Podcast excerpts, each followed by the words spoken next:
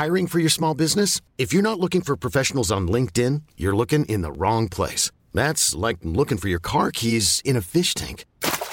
LinkedIn helps you hire professionals you can't find anywhere else, even those who aren't actively searching for a new job but might be open to the perfect role. In a given month, over 70% of LinkedIn users don't even visit other leading job sites. So start looking in the right place. With LinkedIn, you can hire professionals like a professional. Post your free job on linkedin.com slash achieve today. Since 2013, Bombas has donated over 100 million socks, underwear, and T-shirts to those facing homelessness. If we counted those on air, this ad would last over 1,157 days. But if we counted the time it takes to make a donation possible, it would take just a few clicks. Because every time you make a purchase, Bombas donates an item to someone who needs it. Go to bombas.com slash ACAST and use code ACAST for 20% off your first purchase. That's bombas.com slash ACAST, code ACAST.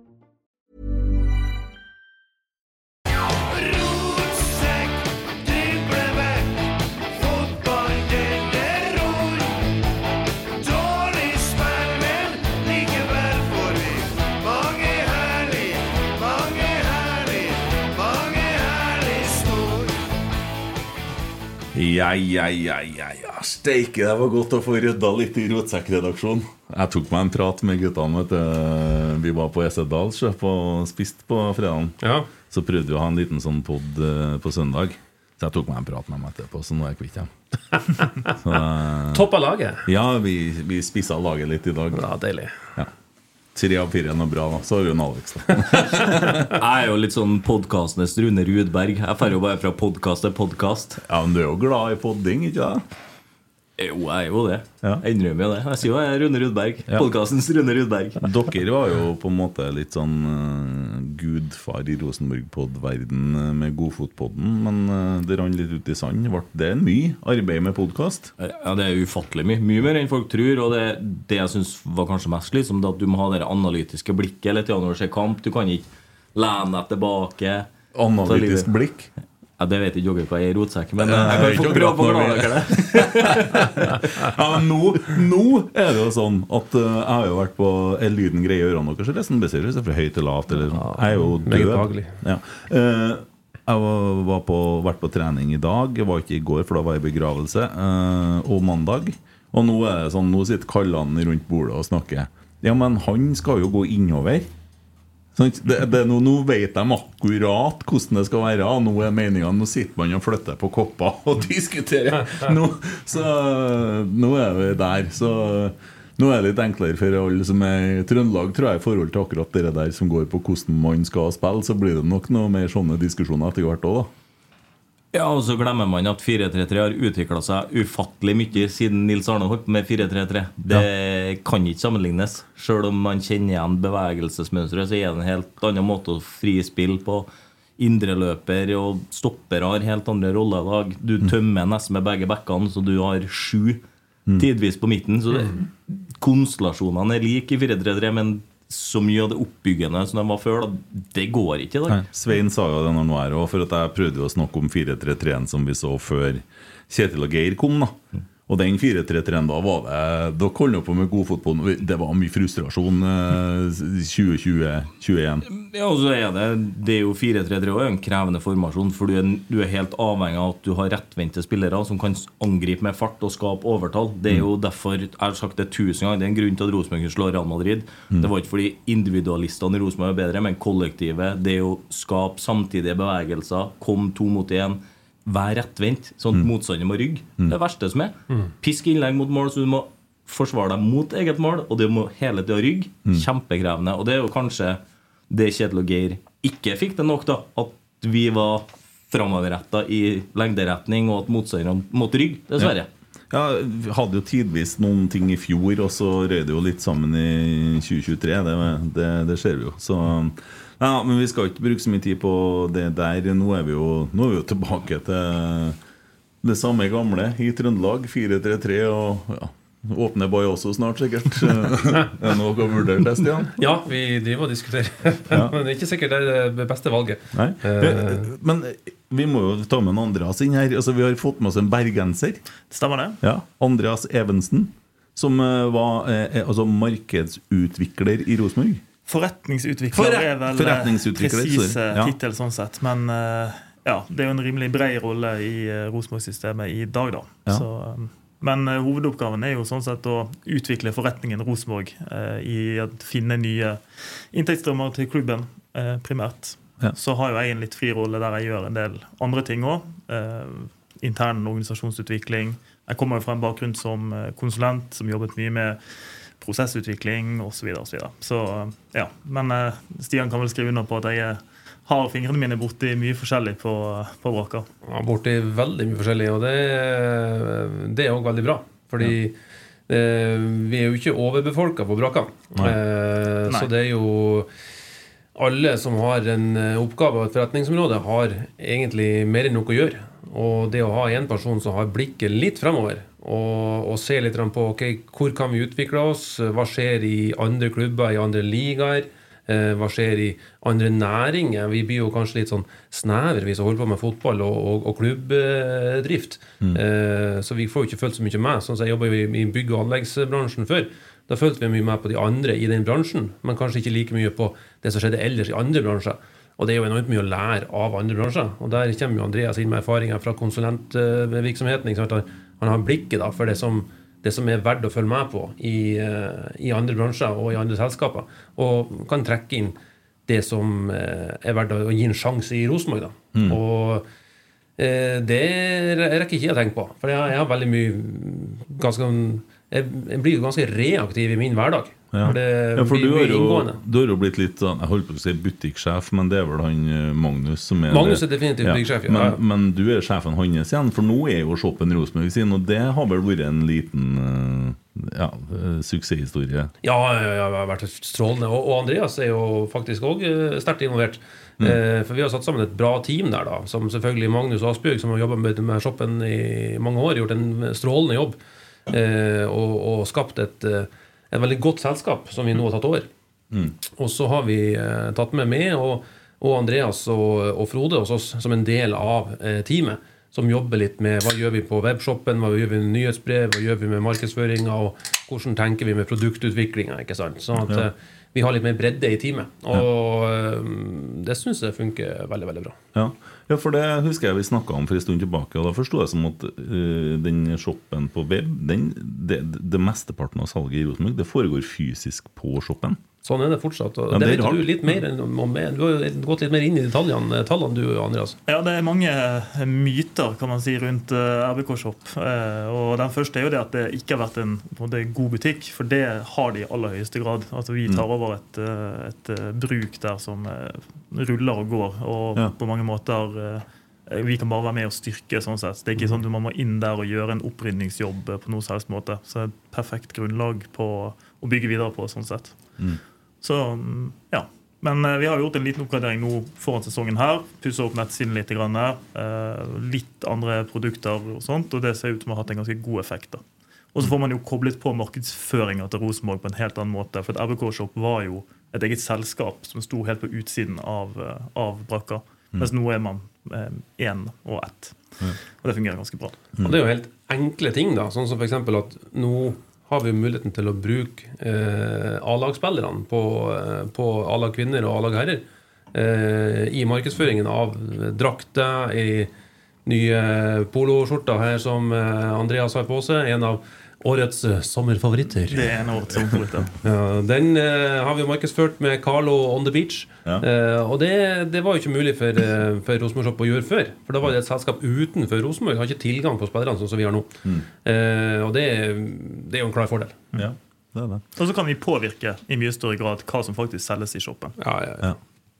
Ja. Det, nei, jeg syns shoppen er bra. jeg også. Uh, vi har jo se der, ja. Reklame rett bak oss her for Ja, den vakkert. innmarsjdrakten uh, som vi, vi kjører nå på. Men jeg ser Alex, du har, uh, du har på deg en nyskjorte i dag. Nyskjorte jeg kjenner at det lukter kjeller av den. Ja, for det der er dagens Ivers-skjorta fra dagens Ivers, og da er vi litt lenger tilbake. Ja, Det som var kult før i trøndersk fotball, da kjørte Adresseavisa børs på alle andredivisjon og førstedivisjon eliteseriekampene. Ja, såpass. Og da fikk du T-skjorte hver gang du ble banens beste. Så ble det dagens Ivers. Oh, ja. Og da er det jo fikk du jo den Så fikk jo skjorte da hver gang det ble dagens Ivers. Så det du prøver å fortelle oss, er at du eh, Jeg har noe som ikke har. eh, Ja, i tillegg til sjarm, utstråling, så har du òg ei skjorte Ja, det, ja. det var dine ord. Det, jeg tenkte det samme, men det er fint at du sa det. Ja, Nei, jeg syns den, den er litt kul. Så, så Veldig kul, veldig kul. Så hadde vi et kompislag med Vi brukte å være på sånn cageball-turneringer utenfor sesong før. Der Mm. vi møttes et par av ganske bra fotballspillere. og Alle, vi kalte oss dagens Ivers, og alle stilte i likende T-skjorter. Mm. Vi tok jo bøtta, selvfølgelig. Ja. Eh, Det er jo kanskje ikke alle som vet hvem du er, Alexander, for at du Det er nå en stund siden du har vært her, men så, vi kan, du, du er så først og fremst forloveren til Per Stina Skjelbred. Ja, det Hva er det vi skal si? At Per snakker mer om meg enn jeg snakker om han? ikke det? Eh, nei, og du spilte på Strindheim sammen med Løkberg og masse av det her eh, Ja. Ja, jeg liker jo å si at jeg hadde jo Aslak Wittry og Alexander Sjølott. Det var jo jeg trener til på Strindheim fotballskole. Jeg lærte dem å ferde pirbadet. Ga dem liksom litt der erfaringer med å spotte spotlighten og liksom det å gå på pirbadet. Det er en egen sport, altså. Og jeg tror de har tatt med seg mye av den lærdommen fra den uka med Strindheim fotballskole videre i livet. da Jeg er ganske sikker på det. Så du er mannen bak uh, dem òg, ja? Ja, Jeg vil- vil si at jeg er sterkt delaktig, ja. Er det en egen gange også på pirbadet hvis du skal gå rett? Å ja, å ja, ja, ja, ja, ja, ja, ja. Det, det, det må oppleves. Det er ikke jeg kan forklare her, det må oppleves. Og du fullførte maraton. Eh, halvmaraton. Jeg har fullført helmaraton nå. Ja, for det gjorde du i USA. Jeg gjorde det. Ja. Jeg var 20 kilo for tung, men det var en fin opplevelse. ja. Men du klarte det. Ja, klarte det. Gjennomført. Gratulerer med det. Takk. Det var en ond opplevelse. Følte meg litt sånn høy og mørk. Passerte 21 km. Herre går så lett, det. Hva er det folk snakker om? Kommer på 30 km. Ikke noe problem. Kommer på 33 km. Kommer ned i bru på 5 km. Så er det 'Can you beat the bridge?' Tenkte jeg, selvfølgelig kan jeg det. Kommer 250 meter ut på brua. Fullstendig knekk. Ja.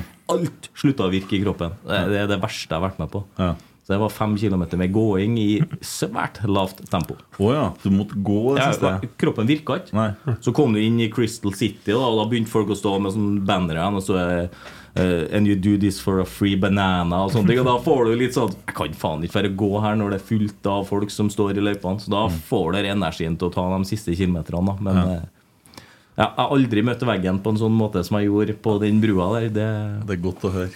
det var helt krise. Ja.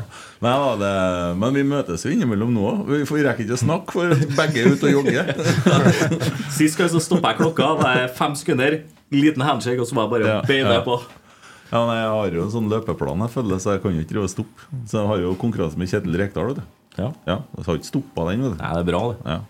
Så det må Jeg, jeg, bare når vi, når vi er inne på konkurranser Vi hadde jo en konkurranse, vi ja, òg. vi, vi snakker ikke om det. Vi Og det er jo at dere skulle servere Nå sitter jo en del ansatte i Rosenborg her, så nå kan vi jo få skikkelig innpass her. De skulle jo servere Rosenborg-spillerne i tyllskjørt, sportsdrikk, oh. etter trening. Ja vel. Og det var jo tapergjengen som skulle gjøre, da. Ja, men det der skal vi jo prøve å bidra med å få gjennomført, hvis det har vært vanskelig å få organisert det praktisk. Jeg er ikke sikker på at det er organiseringa som har vært problemet her. Eh, for å si det sånn, Det har vært lettere når Kjetil og Geir trener Rosenborg enn skulle komme foran en Trond Henriksen og gjøre det. Han er redd. Men tyllskjørt har det jo. Han er så skummel, han. Ja, han er maskin. Ja. Jeg husker når han var juniortrener, så kom guttene og halta fra treninga. Så sier jeg hva er det med dere? Trond Henriksen var på trening i dag!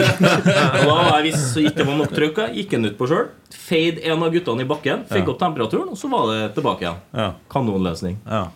Nei, jeg har jo vært sånn Når at de går fra livsbanen til, til Skoglund, og sånt, så er det noen Noen ganger så går det gjennom gjerdet der, da. For det er noe, ja.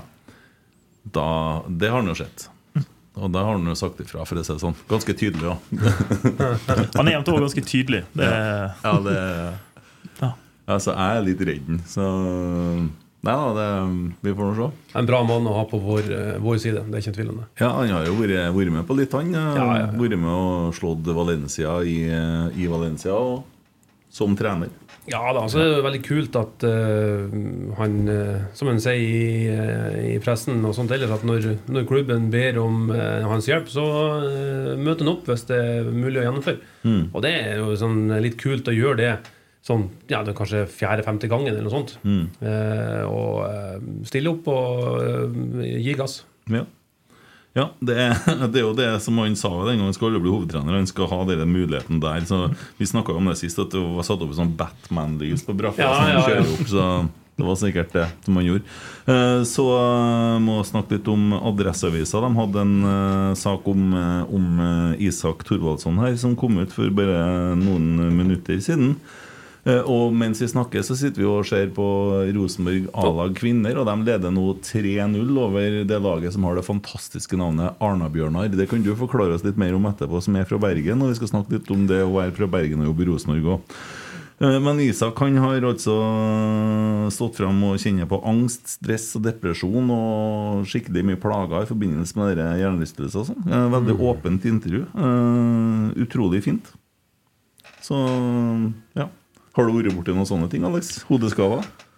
Eh, Nei, jeg har vært ganske heldig med det. Men jeg har hatt lagspillere og kollegaer på banen som har opplevd det. Og det skjer et eller annet med deg når hodet ikke responderer, når det suser, når det går rundt og du har smerter. Og man blir jo redd. Og det her er en ung gutt som har flytta til et ukjent land, mest sannsynlig alene, og går og kjenner på masse ting som kanskje ikke en med et større nettverk og familie og venner på en helt annen måte hadde kjent på. da Og det er jo noe med den psykiske helse inni her. Så jeg, jeg syns det er stort av ham å faktisk stille opp og si det rett ut. Veldig bra. Det er litt sånn viser litt karakter, og at han sier det at herre syns jeg er tøft. Og da tenker jeg at Rosenborg som klubb må samle seg rundt den og ta vare på han og passe på gutten. Ja, ja, ja, helt klart. Ja.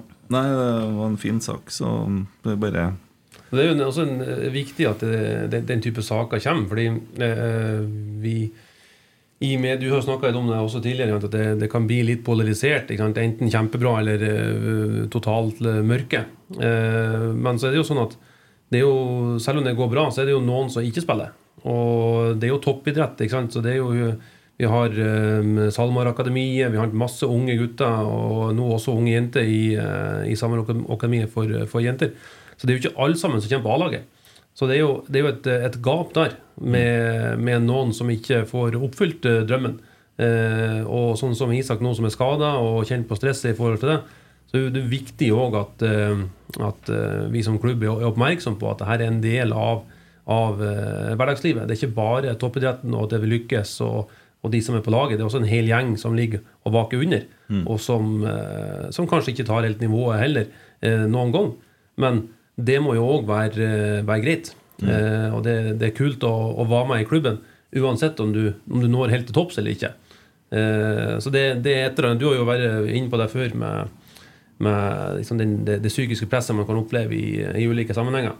Og det tipper jeg nok at det er mange som kjenner på når de eh, ligger og vaker i skorpa for å, å komme helt opp og ta nivået. Ja, og det kan nok være litt eh, stressende for mange. Ja, og hadde jo en liten eh, tirade her eh, på søndag før Svein kom, om, eh, om supporterkulturen og omgivelsene rundt Rosenborg. Og det regner jeg med det blir mer snakk om på medlemsmøtet i morgen òg, så vidt jeg har forstått. At man skal snakke litt om hva er en rosenborger, og hva er det å være en god rosenborger. Altså, Roar sa det jo så fint, som jeg snakka om da, at kulturen sitter i veggene, sier man. Man gjør jo egentlig ikke det. Det er jo dere som er, er der, som er kulturen.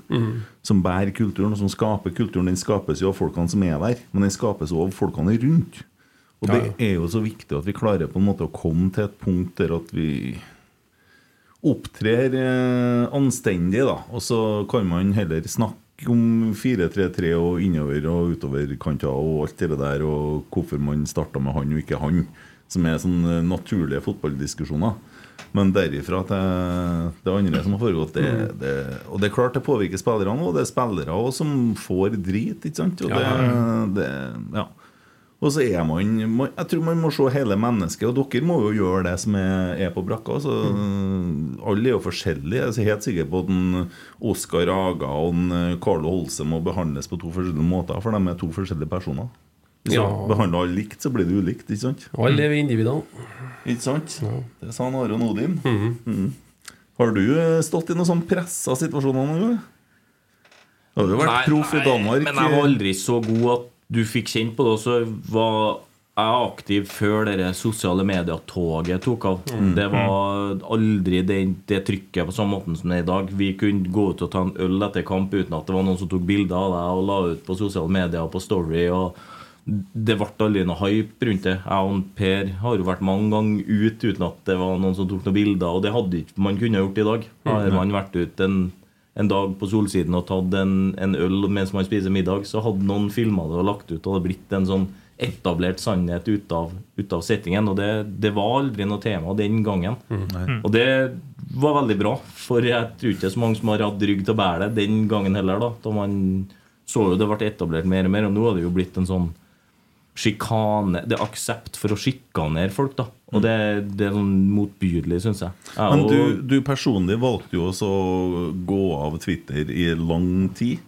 Ja, men det var jo før dette kokelimunken. Jeg husker jeg sa ja. at jeg orka ikke å være med her. For at enten så var du supporter på feil måte, eller så tenkte du fotball på feil måte, eller så var mm, din egen mening feil. Noen skulle alltid drive og korrigere. Så jeg, "Dette- dette orker ikke jeg. Folk som jeg har null interesse av skal høre meninga til, det, jeg er ikke interessert i å høre at de skal kommentere hva jeg tenker og syns og mener med fotballkamp. Det er min mening, og så får jeg stå for den. Og hva alle andre mener og sjikanere, altså, interesserer meg midt oppe i Brundalen, for å si det rett ut. Og da valgte jeg bare Når vi slutta å podde, så valgte jeg bare å ta et litt avstand fra det. Da fikk jeg litt nok av hele Rosenborg-miljøet og Rosenborg, så jeg hadde ja, egentlig litt sånn Rosenborg-pause en god periode. Jeg syns ikke det ga meg noe energi å se på fotballen, for var, alt var galt, alt var feil. Og så er det mye som var feil og galt, men, men det er måten ting kommuniseres på som gjør at det stjal energi og ikke ga meg energi. Og for meg er det å se Rosenborg på Lerkendal og jeg ligger i sofaen og spiser potetgull og koser meg med Rosenborg. Og det, det ble mer at jeg satt og scrolla med meg hvor mye drit som ble gitt, og da tenkte jeg bare dette orker ikke jeg. Nå vil jeg bare kose meg og se fotball, og så får jeg heller være sur etter kampen og så ta det ut meg sjøl og brøle og jogge meg en tur eller gjøre et eller annet som gir meg energi. Ja, Vi har jo, altså, har jo kontakt med utrolig mange som er i og rundt Rosenborg. Og har jo opplevd eh, flere og flere avstå fra å snakke om Rosenborg. For man eh, velger å la være, for man får så mye drit. Eh, og og da, da ble jeg litt bekymra. For at, uh, den åpenhetskulturen da, som man snakker om, den, den forsvinner jo litt. For det er, jo, det er jo folk som har vært lenge i klubben osv. Som ikke orker. For at det, det sitter ja, hva vet jeg, folk og, og hogger løs på dem. Og det, det, det har blitt i så stor skala. Altså, Én ting var forskjellige meninger, men så er måten det blir ment på. da. Ja, og, og, det er helt greit å ha en mening. Og hende at de frustrasjon skriver at ah, jeg synes han er for dårlig. Men, men det er forskjell på det å drive og sjikanere folk og, og kommentere ting man ikke kan gjøre noe med. og og direkte være ufin og komme med trusler og sånne ting. Det har ingenting med, med noe å gjøre. Det er bare helt bak mål, og det, det må vi faktisk få en slutt på. Men hva starter det hen? da? Starter det med, starter det med Otto Ulseth og Birger Løvfalli? da? At de åpner, og, og Morten P og alle de der, som går så langt? Eller er det, er det, starter det med at folk som er i lederposisjoner i forskjellige grupperinger, og sånn, går langt, og at det er flere som henger seg på? Eller hva er det? Nei, jeg, jeg tror ikke vi skal gå så langt. Jeg tror det starter med sinne. At man er frustrert og sint. Og så er det jævlig enkelt da å gjemme seg bak et sånt pseudonym og skal bare gørte eder og galle fra morgen til kveld. For det, du kan bare gjemme deg bak en maske, og da kan du være King Kong og få masse likes på ei upopulær mening. og og være tøff i maska da, over nett. Det, er jo, det har vi jo sett på kommentarfeltet på VG i 15 år nå. At det har jo bare blitt en sånn mobbeplass. Folk vil jo nesten ikke stille opp i, i avisartikler engang, for det er bare om å gjøre å mobbe og finne feil med folk og kommentere utseendet. Og, og det syns jeg bare eskalerer mer og mer. da Og det blir en sånn aksept for å oppføre seg ræva og være ræva folk. Det, det er ugreit. Ja. Det, er jo, det finnes jo en, en teori på det der da, som jeg brukte når jeg leste i forbindelse med Donald Trump eh, når han var på sitt verste. Så det, det finnes et, et slags vindu på en eh, akse som heter Overton-vinduet. Kjenner- Her blir jo litt teoretisk. Ja, ja, men det Altså, Overton-vinduet det er i en akse. Så har du på en måte det som er helt eh, borti natta vilt på ene sida, og det som er helt vilt på andre sida. Og i midten så har du det som er normalt. Eh, og det Trump gjorde, han uttalte seg jo så ekstremt langt ut på høyresida at eh, Overton-vinduet etter hvert flytta seg. Sånn at det som var normalt, ble nærmere det som var mer ekstremt. ekstremt. Så de som var normale, de måtte også flytte seg etter. Ja. Så ikke de hørtes helt venstreradikale ut. ja. Og jeg tror det er litt det som kan skje i, eh, i kulturen, eh, om det ikke bare er Rosenborg, kan være andre plasser også, men i, Ja, i omtalen av eh, spillere, trenere og klubb osv., så, videre, så kan, kan man oppfatte etter hvert at den nye normalen, det er å si sånn og sånn og sånn. Mm. Sånn at man, man tenker ikke at nei, nå, nå sier jeg noe så helt vilt. Ja. For du har hørt det så ofte at du tenker at det her er, er innafor. Ja. Så det som, da har man flytta vinduet for hva som er innafor. Ja. Og da må jo sterkere krefter rundt eh, flytte tilbake igjen. Ja. Så nå spurte jeg litt sånn Bare Det hørtes ut som jeg mente at noen har gjort noe. Jeg skal ikke Jeg sier ikke det. Men da tenker jo jeg Donald Trump, leder, kunne ha vært det at hvis han hadde på en måte klart å justere seg, så hadde ikke, da hadde ikke resten kommet etter, eller? Er det dem som går foran, da, som må oppføre seg først? Ja, Altså- Han var i hvert fall med å, å flytte det vinduet. Det var jo Ja. hans fordel. altså Ja. På å få en, en mer polarisert debatt Ja. eh, som passer bedre til hans retorikk. Ja. Eh, og de andre måtte, da han ble jo så sterk stemme at de andre måtte henge seg på Ja. eh, og, og følge etter det her forskyvde eh, nye normalen. Mm. Og det mm, du, du må nok være på et ganske kraftfullt nivå da for å klare å endre det sjøl. Ja. Eh, det er nok mer sånn Trump-nivå hvis du Ja. skal liksom klare det. Ja. Det er ikke nok at eh, av Andreas begynner å bare Kan vi ikke ordlegge oss litt annerledes, og så, Mm. og så, gi oss hjelp i det? det? Det må vi jo Men nå, nå, nå er jeg at jeg syns jo også at det er veldig mye gode diskusjoner Ja, ja, ja. Det, det er mange som har ekstrem kompetanse og bruker det på en veldig god måte, og, og skriver på en måte også som man faktisk kan plukke opp ting på. Og det, det må vi jo glemme oppi her, at det er veldig mye bra og veldig mye folk som har gode intensjoner og gode meninger, så blir det liksom forsura av at noen skal komme og ødelegge. da Ofte gode tråder, og så blir det hekta på, og så blir det etablert sannheter som, som ikke har noe med trådene å gjøre, og så forsurer man hele miljøet. Så hvis vi får litt mindre av det, og litt mer av de gode, spennende analysene og trådene og, og fagprat, så blir det veldig bra her. Og så er det lov å være frustrert og sint, og det er ett Ja, sekund ja. på rad, som Nils Arne sa. Og så må det gå over. Ja, nei, Det blir interessant å se om eh, den der trenden kan snu. Eh, om man finner måter å skal si, oppdra hverandre på, på en måte i forhold til hvordan man opptrer. da Jeg vet ikke. Jeg tenker også, vi, eh, altså vi klubben, er det noe vi kan gjøre for å få ned temperaturen eh, litt? For det, Du nevnte ordet sinne, det er min analyse også. det Folk blir så sint. og jeg forstår jo det tidvis, og, og frustrasjonen og de tingene her, men, men at man blir så sint at man blir ufin og føler for det behovet, eh, det syns jeg er litt overraskende. Men er det noe, er det noe klubben som gjør at vi eh, jeg skal ikke si provoserer, men som bringer fram det sinnet på en det, måte som det, jeg tror nok at det henger sammen med eh, fotballsupporterhjertet. Altså, Mm. Og, og at det, nå er det så direkte. Du rekker, du rekker ikke å tenke. Du. For Før så måtte du gå hjem og så måtte du skrive et brev og sende og poste til avisa, og så kom det på trykk tre dager etterpå. Du rakk å tenke mye før det. Mm. Mens at nå så har du det på straken, så du kan stå på stadion og bare melde. Eh, og det er jo sånn at som fotballsupporter, som jeg snakka om på søndag, så, så reagerer du på første følelsen. Det gjør jeg på stadion. Jeg blir ilsint på kamp, sånn, på dommeren og alt det der. Og ting som ikke er som jeg ønsker det skal være. Så, så sitter jeg her og koker og brøler. Og har det artig òg, da. Eh, plager motstandertrenerne og litt sånne ting. Husker du han Odd-treneren? Han var imponert. du fikk han til å snu seg. Vet du. Og da klarte du å komme under huden på han, sånn, så da var det jo bare å Det var Det var, det, når det ble 4-0 til Rosenborg, så sa jeg går veien her, ja da. Nordnes. Nordnes og snur seg og ga meg det blikket. Da hadde vi taket på han. vet du. Ja, det syns jeg er innafor. Og det er å reagere på første følelsen. Men det lærte jeg jo òg nå mot Stabæk, og det må jeg slutte med. For jeg jubla jo så gæli når Nervald skåra, men jeg må lære meg å ikke reagere på første følelsen. Jeg må, så no, betinga, Ja. eh, betinga glede blir vel det nye.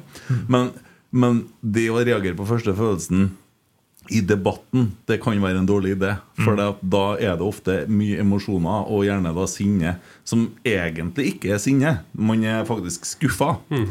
Eh, kanskje er man er redd, eh, eller Og så er det Det er jo liksom sånn Når jeg jobba med sånn sinnemestring og sånn, så var det liksom eh, sjelden at altså, det, Noen få ting da som utløser sinne. Det at du er redd, du er såra, skuffa, eh, eller du eller jeg misforstår. Det er de tre største kildene til sinne. Men i stedet for å gå til kilden, så går man da direkte på sinne, og gjerne da i type blindt raseri og blir stein tullete og begynner å klandre folk. ikke sant? Det andre er å gå til kilden. Jeg er skuffa. Jeg hadde ikke så Jeg er så skuffa, for det var ikke sånn Og så kan vi begynne å snakke ut ifra det, men det er så mye vanskeligere, da, for da blir du sårbar. Uttrykk følelsene, ja. Ja. ja. Så, så, så fotballsupporteren blir sint. Ja. Så jeg vet ikke om man skal ha en Nei, men så har jo Rosenborg et luksusproblem. da Tenk deg alle engasjerte Rosenborg-sportene man har i det vidstrakte land. Det er jo, det er jo, et, det, det er jo helt ekstremt hvor man mobiliserer. Det en massiv skuffelse òg. Ja, ja men, men igjen altså, man Vår alder har vokst opp med at det har tura og gått bra. Altså. Det har vært fader meg på skinner. Jeg husker da jeg var ti år, hvis Rosenborg hadde vunnet ti kamper og de tapte en bortekamp, så skrek jeg for det er timer etterpå. Jeg hata Rosenborg. og Det var, skulle aldri se på Rosenborg igjen. For du var så vant til at de bare cruisa gjennom det. her. Det var aldri noe motstand. Og nå har vi hatt ti ganske tøffe år, da som sett under ett. Og det er klart at det gjør noe med følelsene til folk. Og det, Man er så glad i klubben, og det er så mange som bryr seg. Og jeg tror jo hvis man begynner å vinne fotballkamper nå, så knekker man noen koder. Jeg er ganske sikker på Jeg det. håper virkelig det, men jeg jeg arresterer deg på én ting. Jeg tror vi har rota og leita litt etter 2002. Jeg. Jeg tror vi er på 21. året i leiting. Ja, ja, det Hareide i 2003 fungerte, men det, det endte jo litt sånn Han ble uspiselig for oss. Mm. Husker du den? Og så Ola By, og så vi kan sparken, og så var det, så det, det, vi har, vi har leita sånn.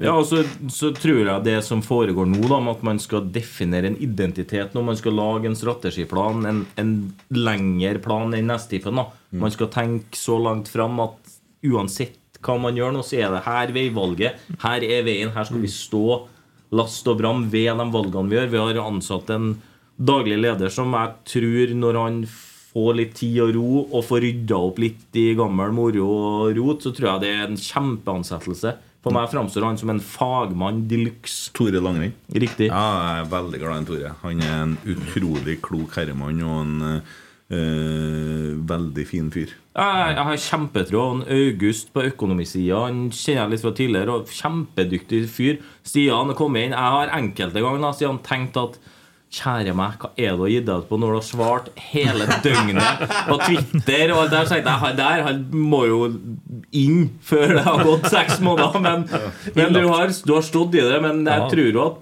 det er en slitasje også for dere som jobber. Andreas, jeg har ikke så mye kjennskap til det. har ikke vært så mye i Jeg media. tror det er Nils. Gutle som henter ham. Tror du det er Nils Gutle? Skal vi høre litt? Eh, bergenser i Rosenborg.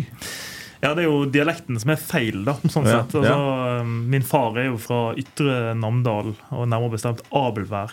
Og min mor også er halvtrønder, så trønderblodet renner ganske greit gjennom eh, årene. sånn sett. Ja. Og det har jo vært Rosenborg hele veien. Og jeg har heldigvis noen bildebevis som jeg kan bruke når jeg holder diverse presentasjoner og sånt, for det, det er jo noe som jeg er nødt til å bare ta ta med en gang. da. Eh, Så jeg har et bilde av meg sjøl stående på kjøkkenbordet hjemme i Rosenborg-drakt. og Den drakten har jeg fortsatt. Ja. Passer ikke så godt, men, eh, men eh, Men du, Ja. du har vokst opp i Bergen Vokst opp i Bergen. Som, som Rosenborg-supporter. som Rosenborg-supporter. Så um, stilte på klassebildet i sjette klasse, var det vel, med Rosenborg-drakt, blant annet. Men i all verden, hvordan var det, da? Det var jo eh, Det her var jo i den perioden da man, man vant alt. Eh, men Ja, det var jo eh, ikke like lett. Det året Brann vant, i 2007 Nei, f.eks. Det var det ikke. Men det, for min del ble det jo en identitetsmarkør òg. Altså, det var en måte for meg å holde, holde si, tritt med de trønderske røttene mine og, og uttrykke meg på den måten. Så ja.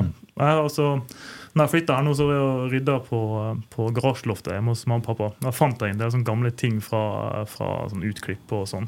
Da så jeg jo det at jeg blant annet hadde laga min drømmeelva i Rosenborg. Satt opp og oh, ja. klippet ut bildene som var printa ut fra hjemmesiden. og holdt på. Så det har vært, eh, ja, jeg har vært supporter. ja. Ja, hvordan er det i vennegjengen når du vokser opp? da? De går i branndrakt, sikkert alle sammen? Ja, det, ja, og enda verre enn det, for så vidt. For Noen av mine beste venner også har vært Brann-spillere i tillegg. Ja, de så, har det, ja. så det har jo vært litt, eh, litt rart sånn òg. Men, eh, men eh, nei, det har egentlig gått veldig greit, vil jeg si. ja. Ja. Eh, nei, jeg syns jo det er stas, jeg. Altså, det, Det er kult. Ja, syns det. Eh, jeg har fått inn en, Nå har jeg jo måttet åpne Twitter, da. eh, for de, det er bare for anledningen for å få spørsmålene. For det kom inn en del spørsmål faktisk på den korte tida. Vi, vi, det var varmt, og vi lå litt bakom, og, men eh, vi landa. Vi landa, vi sitter her. Ja da, ja, Ja da. Sitter godt, godt, Jevjog. Alexander 123, hvordan blir det for Andreas å styre storskjermen i sommer? Det blir artig. Ja. nevnte jo litt at man gjør litt forskjellig her. Eh, Vi har jo en, eh, vanligvis en fast mann i Frode som eh, har full kontroll bak spakene på, på spikerbua på Lerkendal. Men han skal ha fått innvilget en sammenhengende sommerferie nå for første gang på en god stund.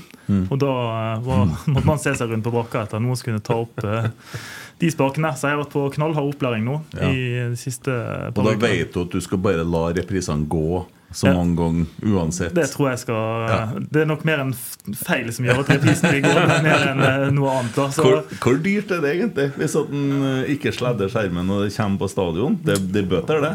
Det blir det sikkert, men eh, det er jo ting som vi heldigvis ikke vet. Nei. nei, nei, så slipper å tenke på det. Ja, for da, det, da er det ganske kok på stadion. Men eh, det, det skal sies at det var ganske kult da å plutselig sitte og For jeg holdt på nå siste, siste hjemmekamp mot uh, HamKam. Og det å på en måte skulle være kjapp ute med å legge på supring på hvem som skårer, og, og ha koordinasjon med, med indre bane på opplesning av, eh, av kampelver og de tingene der. Du føler virkelig at du sitter i hjertet av hele arrangementet. Og, Så eneste nedturen er at jeg må se kampen på skjerm, nå, for jeg må bli sittende med ryggen til banen. Det, Ja, ja. det har ikke jeg regna med, men uh, jeg tror det skal gå greit. Ja. Men hvis det skjer noe på skjermene de neste tre kampene, er det vel, så er det, er det min feil. da. Det jeg bare si med en gang. Herlig. Eller teknisk feil. Det kan vi også si. Det er en mulighet for det òg. For det, det, det systemet som står og kjører der, det var ikke bygd i går. Det kan vi eh, også si. Akkurat. F5, oppdateringsfeil. Bare oppdatere det greiene, ja. Rosenborg kvinner leder 3-0 fortsatt, andre gangen i gang. Eh, Det er cupkamp, runde tre. er det? Eh, Ja, jeg tror det er tre. ja. Ja. Stian sitter og teller penger. Eh, Ja da, det er fint om vi går videre i cupen. Altså, nå er det jo eh, litt avstand opp til Vålerenga i eh, toppserien. da, og Selv om eh, alle kvinner leverer en meget bra sesong, så var det lite bananskall borte mot Lyn sist. da, ja. En eh, 0-2. Eh, og Enga er jo sterk i år, altså, det må vi jo bare si. Eh, det er jo langt fra kjørt. Eh, så, men eh, når det nå er en fem-seks poeng, så, så, og Enga ikke, ikke taper noe særlig, da, og får en U i ny og ne, så kan det jo kan det jo hende at det er cupen som vi uh, må satse på for å få ei bøtte uh, i år. Men uh, det er jo, skal jo ikke gi opp serien for all del, det er ikke det jeg mener. Nei, men- Men, men det er en god mulighet, i hvert fall. ja. Både første- og andreplass um, Champions League-mulighet. ikke? Ja, det stemmer. Eh, Remi Sjøbakk sier 'the one and only the fan favorite Stian Morsund'. Uh, Jostein Lian spør er det broren til Michael Stilson bak han på bildet. Jeg la bildet, jeg måtte jo finne bilder som vi kan bruke, så jeg fant bilder der. Der var du litt snarlik Mike Stilson, så det var artig kommentar, det. Han er ganske snarlik i, i virkeligheten òg, Ja, ja, ja. Overraskende snarlik. Kjekk kar. Det er ikke verste sammenligning jeg har hørt, så den tar jeg faktisk. Mulig, mulig pappaen til Mike har vært på der en tur. Nei, det Pappa var- Jim. Ja. Eh, Christian Oteren, eh, til neste års drakter kan vi bare beholde den stilen vi har. Nå har vi tre fine drakter som er veldig sjeldent å se i en klubb. Ser ingen grunn til å endre farger eller design. Dere må jo begynne å tenke på neste års drakter snart, for de skal vel være ferdig til oktober, ikke det? Ja, ikke til oktober. Eh, Vi, det er sånn at vi jobber jo i det samme designsystemet som, eh, som alle eh, klubbene som har Adidas eh, gjør. Og det betyr at vi, vi får tilgang på designsystemet faktisk sånn i slutten av oktober. Mm. Den okay. kan du si, nye malen da for eh, 24-sesongen. Eh, og så bestiller vi gjerne da i, i området mot, inn mot slutten av desember. Så vi har en sånn en og en halv måned der vi, eh, der vi liksom gjør de siste justeringene da, i det her designprogrammet. Men vi, vi tenker allerede nå på hva vi ønsker oss. Sånn at vi ikke begynner ikke på scratch. Og vi har noen uh, kule tanker. Ja, for det, det man gjorde i år med den her bordedrakten som du sitter eh, med deg på nå, eh, det tok litt av, her. Ja, ja, det svinger. Så vi har ikke klart å levere nok eh, drakter. Nei? Eh, og han skriver jo her, han Oteren, hva han sier at Mm. hva, Nå har vi tre fine, det vet jo ikke han noe om, for jeg har jo ikke lansert eh, tredjedrakten ennå. Nei, det var det jeg tenkte på. Men jeg, skulle ikke, tenkte ikke jeg skulle være så dum. Men jeg syns ikke jeg kan komme på at jeg har sett noen tredjedrakt, nei. Nei, den har vi klart å holde ganske hemmelig. Ja. Så Jeg har hørt litt rykter, skjønner du. Ja da, det, det, så, så, så hemmelig klarer vi ikke å holde noen ting. Nei, vi får se. Men den blir kul. Eh, Vi driver og jobber nå med, med markedsføringa. Altså, men det han spør om, er kan, kan, vi, kan vi beholde eh, de tre draktene i, i år? Eh, det er jo selvfølgelig bankende uaktuelt, vi skal jo selge drakter hvert år. Så at eh, folk må jo kjøpe ny drakt til ny sesong. Eh, så det går ikke. Men eh, eh, det, det er jo ikke utenkelig at vi kommer til å å, å komme oss inn på en eller annen form for stilretning etter hvert. Eh, som, som kan oppleves gjentagende. Det har vi jo sett på andre storlag i, eh, i andre liga også, at det, det fins en, en gjentagende stilretning som gjenkjenner drakten. Eh, også kanskje man leker seg litt ekstra med tredjedrakten, da, f.eks. Og det, det ser jeg ikke bort ifra at det, det kan bli en del av det prosjektet som vi nå driver og jobber med, med strategi og merkevarestrategi og merkevareplattform, at vi, vi finner noen ting der som kommer til å bli mer gjentagende enn det vi kanskje har sett uh, de siste årene. Ja, det kunne vært en idé å gått eh, på litt sånn bad taste-greie. Type keeperdrakten til Frode Grodås eh, på landslaget mot uh, ja, Brasil-tida. Det der rundt der, slutten av 90. Husker du den? Fargesprakende. de er så- Altså, så stygg at sikkert mange kommer til å kjøpe den. Kunne det være en idé? Ja, altså ke- Keeperdrakten er jo alltid helt ekstrem. Eh, og det er litt av grunnen til det, at den skal skilles ut. Det vet jo du Ja, litt Nå mer kjører det som drakta, som tredjedrakt. Altså Ja. Det styggeste man noen gang har laga. Ja, ja det, det, Det var jo tøft. Skal jo helst selge den drakten òg. Ja, ja, men hvis den bare er stygg nok, så hadde den satt. Ja, han, eh, Jorge Campos Han kjørte jo egendesigna drakt. Det så ut som han hadde kasta opp på tekstilene, og så tok det på seg etterpå. Vært på ordentlig sånn tacofest først, og så kasta opp på hele festen kasta på drakten, og så tok jeg det på seg. Det var kanonløsning. Jeg solgte jo drakta så jeg kosta Ja, etter. ja, ja, ja. Ja, det er aldri godt å si hva som funker. Det, Nei da, det Men eh, jo, vi fikk nå fikk nå se i år hva som funker, da. Ja, det kan jeg jo si. Eh, når vi, det var, mye av denne ideen var jo ferdig lenge før jeg kom. Mm. Det var jo en tanke om å ha eh, denne type drakt eh, i fjor. Eh, men det rakk man ikke. Men eh, så, så grønnfargen og alt det her, det var jo Magnus og Asbjørg og, og eh, Alexander Kopperud eh, som er materialforvalter også sterkt inne i, eh, i teamet. Altså, de hadde jo, alt var jo mye klart før, før jeg kom. Eh, men det jeg tenkte mye på, var jo at Kommer folk til å bli sur nå når vi tar bort den, den svarte andedrakten og kjører grønt? Blir det, blir det dårlig stemning? Og det var ikke noen måte å, å sjekke ut det på heller. Kan ikke sende spørreundersøkelse. Hva tror du om eh, grønn andedrakt istedenfor svart? Derfor du har litt svart på armene, for Ja. å være sikker eh, Og under ja, litt svart. Bare for å så sikre litt eh, svart. Det er faktisk det som var grunnen til det. så neste år så kan det jo være faktisk mulig med helgrønn. Ja. noen- Ja, ja. Men i, i, i remaken da mot uh, den gamle Nils Arne-jakken, så er vanligvis både svart og grønn og hvit. Så det skal være litt miks. Ja. Han spør òg Kristian hva er status på prosjektet i Klokkesvingen, altså det nye Rotsekk-studio. Eh, hvordan eh, har vi kommet langt? Har vi fått det Det blir jo som på Nydalen, eller nå. du. Ja. Får jo smore en del der. Nei, vi, har. Ja, ja, ja, er klar over det. vi har dugnad i går. Da var vi og plukka stein. Ja. Nei, vi sitter og venter på at de finner en sånn sjelden snegle eller noe Ja, ja. sånt, så det blir Ja, det var et eller annet dere sa i en podkast. ja, ja, ja, det dukker opp Ja. ja. ny sånn type ugleart som bare vokser der. Og, Ja, det, Jeg har kikka opp her hver dag etter at eh, kommunen hadde uttalt seg. Jeg har ennå ikke sett én unge som har leka seg der. Ikke engang i russetida var det noe russ å se oppi der var å ha seg. Ingenting.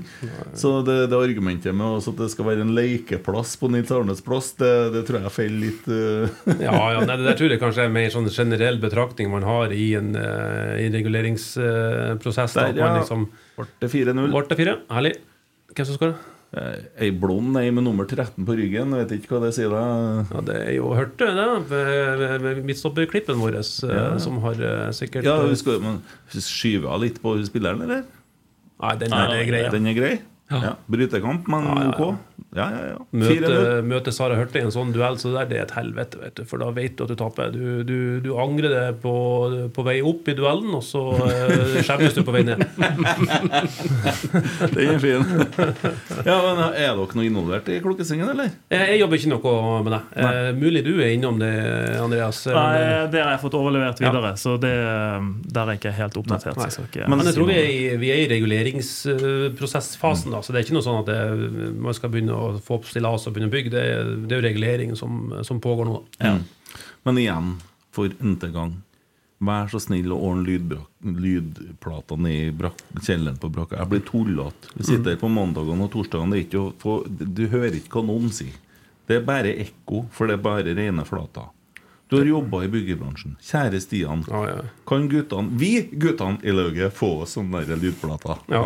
Er, er det vindu der? Det vinner du. Da kan jeg ha noe god pris på noen plissegardiner og sånn, vet du. Det, det kan også dempe lyden litt. Ja, veldig. Kanskje vi kan få opp noe åkle og noe kunst på Jeg, veggen. så- jeg mener jo at det gjelder hele brakka. Da. Ja, for det er jo et ekko ja, Det er vanlig vi sitter og spiser lunsj på det her. Det- Du hører jo ikke Nei, men det må, du må jo skal vi ikke bli- si at det er et ekkokammer, for det kommer vi ikke noe godt ut av. Nei, det gjør ikke jeg. Skulle til å si det Det er stoppa meg. faktisk merket det. Det, men... Jeg tok den sjøl. ja, men, men, men Nei, vi må fikse det der. Ja, jeg tror jeg sa det i en podkast før også. Jeg faktisk snakka med, med Glava. De- Glava er jo en egen eh, lyddoktor. Ja. Eh, som er en racer på, eh, på eh, lydhimlingsplater og den slags. Ja.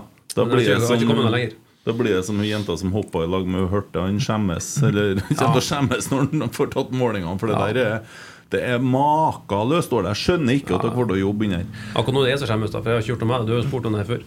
Ja, ja, men jeg, jeg, og jeg gir meg ikke. Nei, jeg merker det. Så eh, Bjørn Erik Gåsvær, er det muligheter for at RBK kan selge retrodrakter? Det kan jeg si at jeg har faktisk sjekket opp i. Eh, og vi var langt i den prosessen, men eh, vi eh, fant ut at det ble for dyrt i innkjøp pga. eurokursen. Oh, ja.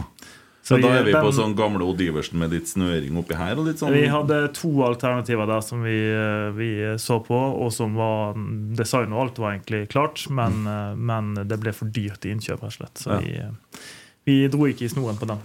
Det, ja, den utprisen vi skulle ha tatt for å kunne rettferdiggjort det, hadde ikke vært rettferdig overfor noen. Så, Nei. Nei, men det er dyrt nok, så kommer det folk og kjøper seg. Ja, det er jo bare å se- 3000. Det er bare å se bare auksjon dere kjører på kampbrukte drakter. Ennå ikke kikke dag én, så er det sånn levelige priser. Og et døgn før det går ut, så er det jo sånn at man må ta SMS-lån og forbrukslån og vinne Lotto samme helga. Ja.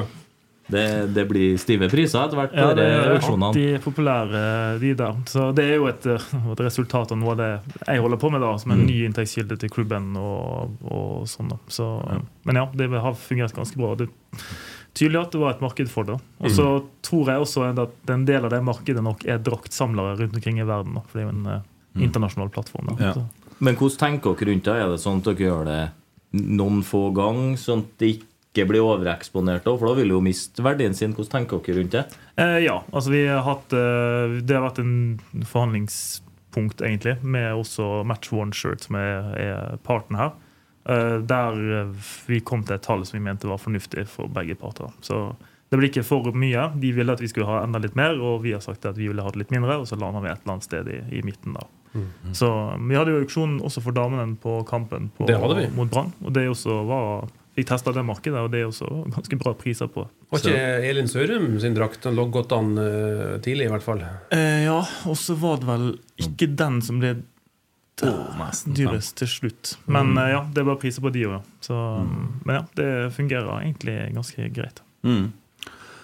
Uh, Jækis uh, spør hvorfor har vi slutta med studentbillett på Øvre Øst. Mm, vi har ikke slutta med det. Nei. Mm, og hvis det ikke uh, fins studentrabatt inne på på Ticketco, så må det være noe feil. For det mm, mener bestemt at det skal være. Er det ikke det, Andreas? Husker jeg feil nå? Jeg eh, har ikke hørt noe om at det ikke skal være det. Nei. Så, Nei. men igjen, nå sitter ikke jeg tettest på billett heller. Da. Jækis eh, sender Stian Morsund en melding i morgen, for han har ikke noe mye annet å holde på med likevel. Så Neida. det, det, har ikke vi en egen e-postadresse på det? Vi har Billett, etter RBK.no? Billett etter RBK.no. Ja. Den kan sende til. Ja, det er kanskje enda bedre. Ja. Eh, klart, å vente på det jeg sier at eh, jeg skal sjekke det. Ja. ja, men det er bra. Da fikk jeg en rett mailadresse. Eh, klart det er toff. Hvor mye makt har klubben når det kommer til draktdesign? Må det velges fra templater, eller har Adidas åpne ører til forslag? Hvorfor lages det drakter med gulldetaljer når det har gått så tråkig i det siste? Hvor mye drikker draktsalget driften? Ja, langt og godt spørsmål. Eh, det, er jo, det er jo en template. Eh, altså en eh, eh, På Mal. godt norsk mal, ja. Eh, og det er jo samme for Rosenborg som for andre storklubber i eh, Europa. Altså ta mm, Real Madrid. Real, ja. Manchester United. De, de bruker jo den samme malen som vi bruker. Eh, og så har man jo ganske stor kunstnerisk frihet innenfor den malen. Eh, og grunnen til at det er sånn, det er jo at den drakten skal jo syes i ekstremt mange tusen eksemplarer. Eh, og hvis vi bestemmer at vi skal ha en annen søm på siden, f.eks., så alle lagene har den, den samme sømmen på sida av drakten her. Kanskje jeg skal vise mot kamera. Det er jo en litt tjukk søm på siden her, som, eh, som er lik for, eh, for alle lagene. Og, men fargen, ulike felt Vi kan ha print i, i stoffet. Vi kan ha Ola Tryggvason eh, her hvis vi vil det, i, i stoffet. Eh, Vi kan ha rund hals, vi kan ha eh, vi kan ha ulike, ulike detaljer som vi kan leke oss med. Så det, det er ganske stor kunstnerisk frihet. Eh, Og det ser man egentlig på den drakten her. Eh, For den, den fremstår jo egentlig som en 100% egendesigna drakt. Men den er egendesigna innenfor et malverk. Eh, og litt kult også, jeg husker jeg reagerte når drakten kom, på denne her eh, sømmen på sida. For den er jo litt tjukk, og sømmen ligger på, på utsida av drakten. Og husker jeg jeg ringte Adidas og så sier jeg at det må ha skjedd noe feil med drakta vi har fått, for, for sømmen er tjukk, ligger på utsida, og det, det virker, virker rart. Eh, men eh, så sier de at det, det skal være sånn. Og sånn er det også på, på eh, Argentina eh, sin VM-drakt, som de brukte i VM-finalen. Akkurat samme drakten. Og eh, når du ser drakten i bruk, så ligger den ekstremt godt på kroppen. Den er bitte litt tyngre eh, med de her sømmene. Det er jo noen, eh, noen små gram det er snakk om. Men den ligger veldig veldig godt på kroppen. Du snakker om drakten og gram? Ja. Ja. Den ligger ikke så godt på min kropp. Jo, den lå godt Han gjorde det, ja. ja, ja, ja. Overalt. Ja, han var litt stram. Jeg har kjøpt en sånn slimfit-versjon. Det var dumt.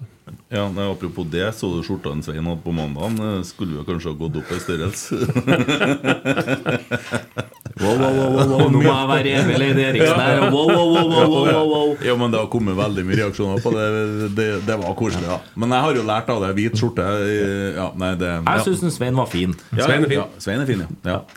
Uh, nei, det var litt artig. ja Vi må jo kunne ha humor på det. Jeg er sikker på at han har det sjøl òg. Ja da. Eh, hadde vi svart for det alt? Ja, gull, gull Ja, det var detaljer. et template, ja. Og, og, og det er ikke gull, det er sand. Ja, det står det om faktisk Ja. i beskrivelsen. Det til, og det er til og med Jeg tror det er noe eh, Geologinytt eller noe sånt har laga egen artikkel om det. og det er store greier i, eh, i geologiverdenen da, at eh, man bruker sandstein, da, ikke sant, eh, som etter hvert eh, presses sammen og blir til såkalt gneis. Mm. og eh, og eh, til slutt da kan brukes til et byggverk, eller bygge en katedral eller en stadion, om du vil. Så Det er jo det som var tanken med at det var en sandfarge, da, at vi også kommer fra en grusbane på Nardo i, i sin tid osv. Altså, Norges eldste sandkorn er også funnet i Trøndelag. På Melhus, 3,6 milliarder år gammelt, eh, er det sandkornet. Ja. Samme alderen som deg, da, Kent. ja, ja, ja. Der er du i gang. Samme kulle. Og så var det ett spørsmål til han hadde. Var det Ja, det er hvor mye dek, dekker, dekker draktsalget driften? Ja, du kan si eh, hvis, hvis eh, shoppen har en omsetning på la oss si en, eh, en 12-13 millioner på et, eh, på et godt år, så, så kan vi jo anta at vi klarer å gå med en sånn et sted mellom 1 og 1,5 million i, eh, i pluss, hvis vi liksom eh, driver en, en god butikk da, og klarer sånn 10 eh, margin. Eh, så så da, og det, den marginen er jo ikke nok til å, å drive klubben, for å si det sånn. Men eh, det er jo nok til å drive en god butikk. Ja. Så jeg antar det er driften av shoppen som er spørsmålet. her. Kanskje det er Så- det. Ja. Men kan jo si at Draktsalget står for en betydelig del av omsetningen til RBK Shop. Ja. Så um, Det gjør det jo. Jeg tenker på så Når det shopper shoppen, jeg tror, så, så lenge jeg kan huske, så har jeg alltid hatt Rosenborg-klær og Rosenborg-glass. Eller jeg har kjøpt en Rosenborg-smokke. Og det har sånn Det har alltid vært Rosenborg-ting eh, i livet mitt. Så det, I hvert fall tilbake til tidlig 90-tall, når det var altså, Det er litt sånn Og så ser jeg jo nå Jeg får jo godt med sånne Rosenborg-jakker. Altså, ja. Alltid. Ja, det er fine ting. Nei, jeg er så glad for at vi fikk til å, å ta tilbake RBK Shop til klubben. Vi satt og jobba med det der i Det var før du begynte. Ja, ja. Meg og Tore som satt og holdt på med mye med det der. Og, og der, er- bare det å kunne gjøre det uttaket da, av den drakten der, er jo også mulig, for det er i Rosenborg sine hender på, på en helt annen måte. Så altså, det, supporterbutikken er utrolig viktig. Det er, det er en eh, fysisk del av Rosenborg som er viktig. Ja, ja det er jo det. Eh, jeg har et spørsmål der. Eh, Det drakten som var med Nils Arne på brystet, som han spilte med i fjor, eller oppå her, eh, det var jo også jakka hvor man hadde bilde av Nils Arne. Eh, drakten var jo heldig, for det var once in a lifetime-greie. Men det ble aldri sagt noe om de jakkene. Det må jo ha vært ei gullgruve å fått kunne kjørt ut dem, eller er det noen avtaler med han som laga det bildet og sånn og sånn, eller er det kunne vært greit å kjøre det ut kommersielt, liksom? Det måtte jo, det måtte jo ha skutt fart. Ja, det er noe vi kan, vi kan sjekke. Eh, Jeg, jeg tror det bildet som var på den, eh, den drakten og jakken, var fra, fra en, eh, en supporter, og man gjorde en avtale på, Ja. på det akkurat det tilfellet. Så det er jo ikke noe vi har muligheten til å bare eh, gripe tak i sånn uten å sjekke noe videre. Men eh, det der er òg en ting som eh, Ikke noe man går og føler på nødvendigvis, men på, på et eller annet tidspunkt så må vi jo bestemme oss for skal vi skal vi, skal vi bruke Nils Arne Eggen-bildet eh, mer i kommersiell virksomhet, eller skal vi la det være en del av historien? Ikke sant? Hvis du skjønner hva jeg mener? Mm. Altså, Ja, så- så- han sitter her med Odd Iversen-skjorte. Det, det er jo en del av oss. Ja, ja. Men men det er den gamle skjorta. Det er ikke en ny skjorte som vi har laga med bilde av Odd Iversen. Vi lager ikke noen ny, ny er- supportermerch med, med Odd Iversen. Nei, nei, nei. Det der er jo Adresseavisen som hadde en greie som het Dagens Ja. Ivers, som de prøvde å gjenskape her eh, nå med den nye greia si. Men nei, det var bare en idé jeg hadde. For jeg så en kar med den treningsjakken med bilde av Odd Iversen, nei, med Nils Arne på. Mm. Ja. Tenkte at det der kunne jo ha vært kult. Og hvis man hadde fått lov til å begynne å kjøre dem i salg, så hadde jeg i hvert fall skulle ha hatt den. da Tore bruker den ofte. Han har den. Ja, Kanskje det var han jeg så med den. Kanskje da Jeg prøvde å få en Per til å stjele den for meg, men det nekta han å gjøre. ja. Men eh, jeg må jo si at jeg synes jo det Jeg er jo litt sånn skuffa over at man har valgt designerne til Sparkjøp da, til å designe en del av tekstilene inn på Rosenborg Shop. For det, det er jo som å det- være på Sparkjøp på Malvik enkelte ganger. Det Hva du- som hva det er av tekstiler. på? Nei, En del av det tøyet som de har kommet med, det Er det dårlig, mener du? Ja, det, det er kanskje ikke eh, fotballsupportere mann 30-35-40-looken.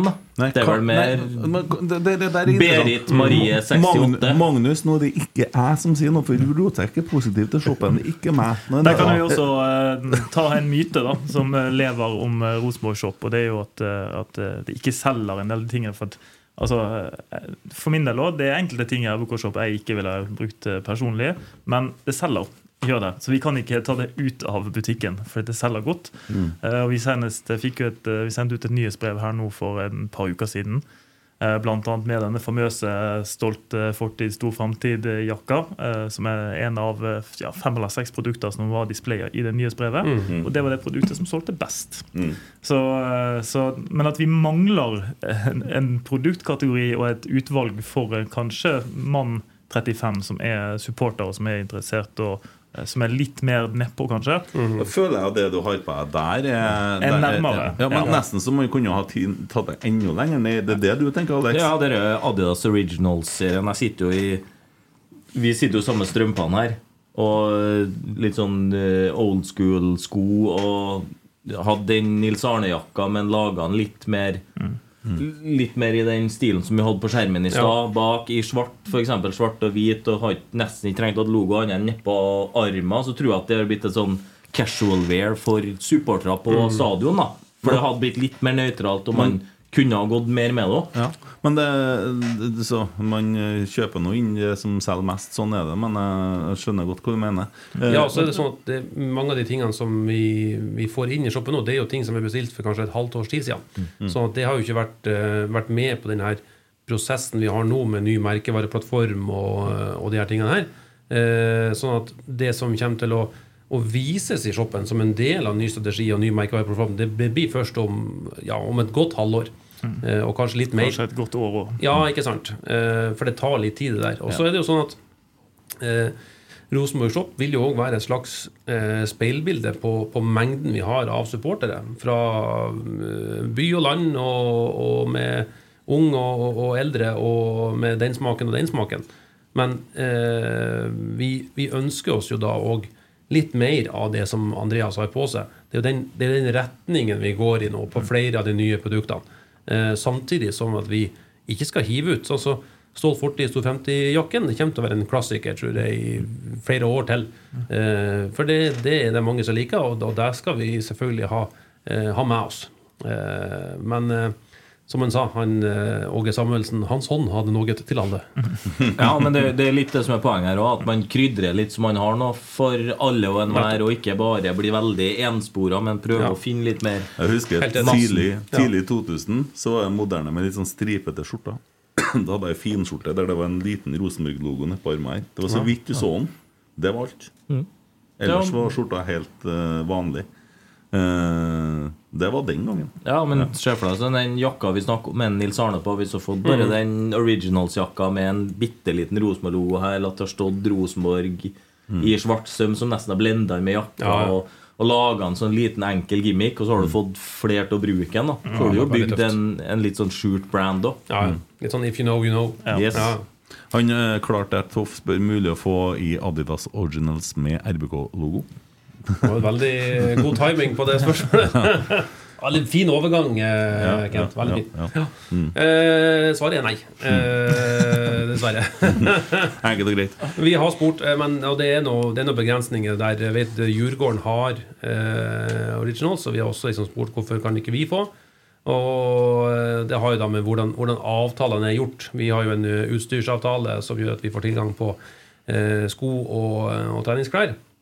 Eh, og det kanskje man kunne ha forhandla seg at man, man heller skulle fått originals, men da må vi jo kjøpe sko og tennisklær eh, i stedet for. Eh, så foreløpig er ikke det tilgjengelig. De ønsker jo å holde den originals-kolleksjonen ekstra eksklusiv.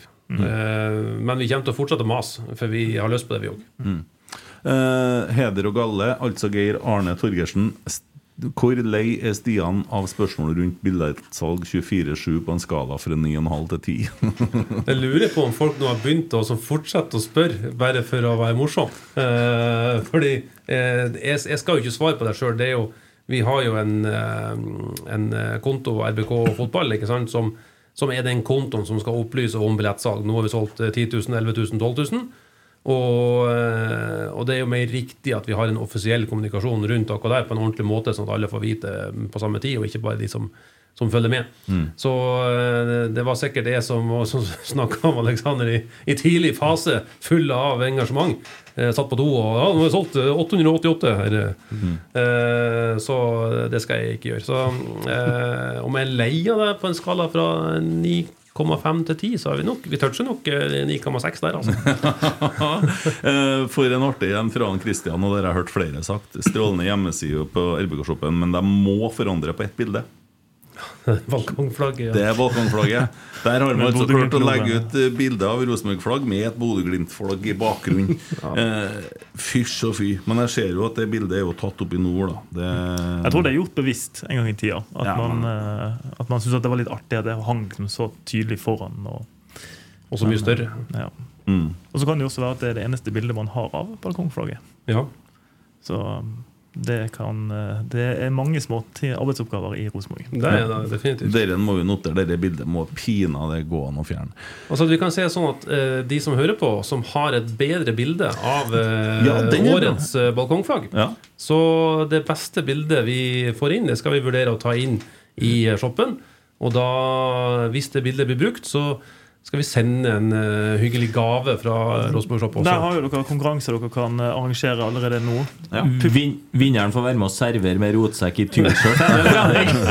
Vinneren får et balkongflagg. Vinneren får et balkongflagg. Ja, det skal vi by på. Ja. Så eh, send, Kanskje send dumt, da, siden personen da sannsynligvis vil ha et Nei, men, balkongflagg fra før. Du kan ha- gi det til naboen, ikke sant? Sant. Ja, Så vi får ja, flere flagg. seg. Ja, ja, ja. eh, Send bilde til, Dere, til oss til Sendet, til rotsekk. ja, dere er jury på det her. Ja. At Stian Morsund på Twitter. Gjør deg inn og tagge nå, alle sammen. Tagge Stian i alt som er flaggrelatert. Ja, for da, det Masse begynte rare det begynte å komme så mye greier på Twitter. Stian, jeg får ikke svar til billettservice. Kan du Det, det begynte å bli en del sånne, så jeg begynte å skrive Stian har en lyspære i gangen her. Da sendte jeg melding at du nå, nå er du som knirker her. Har du sittet så godt i sofaen, kunne du kanskje tenkt deg å komme, og så Nei, jeg synes jeg syns eh, 100% at det er helt supert. Ja. Fordi jeg skal jo ha en, en utadretta rolle også i, eh, i klubben. Og at folk føler at de kan, kan stille meg spørsmål om ting som de, de lurer på.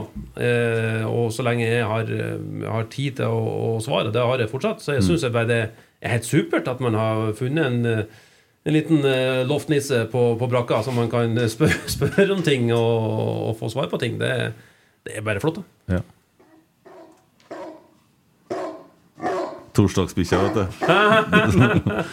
Torsdagsbikkja han har vært på jobb igjen. da Det er helt utrolig. Det er legende, altså. Ja.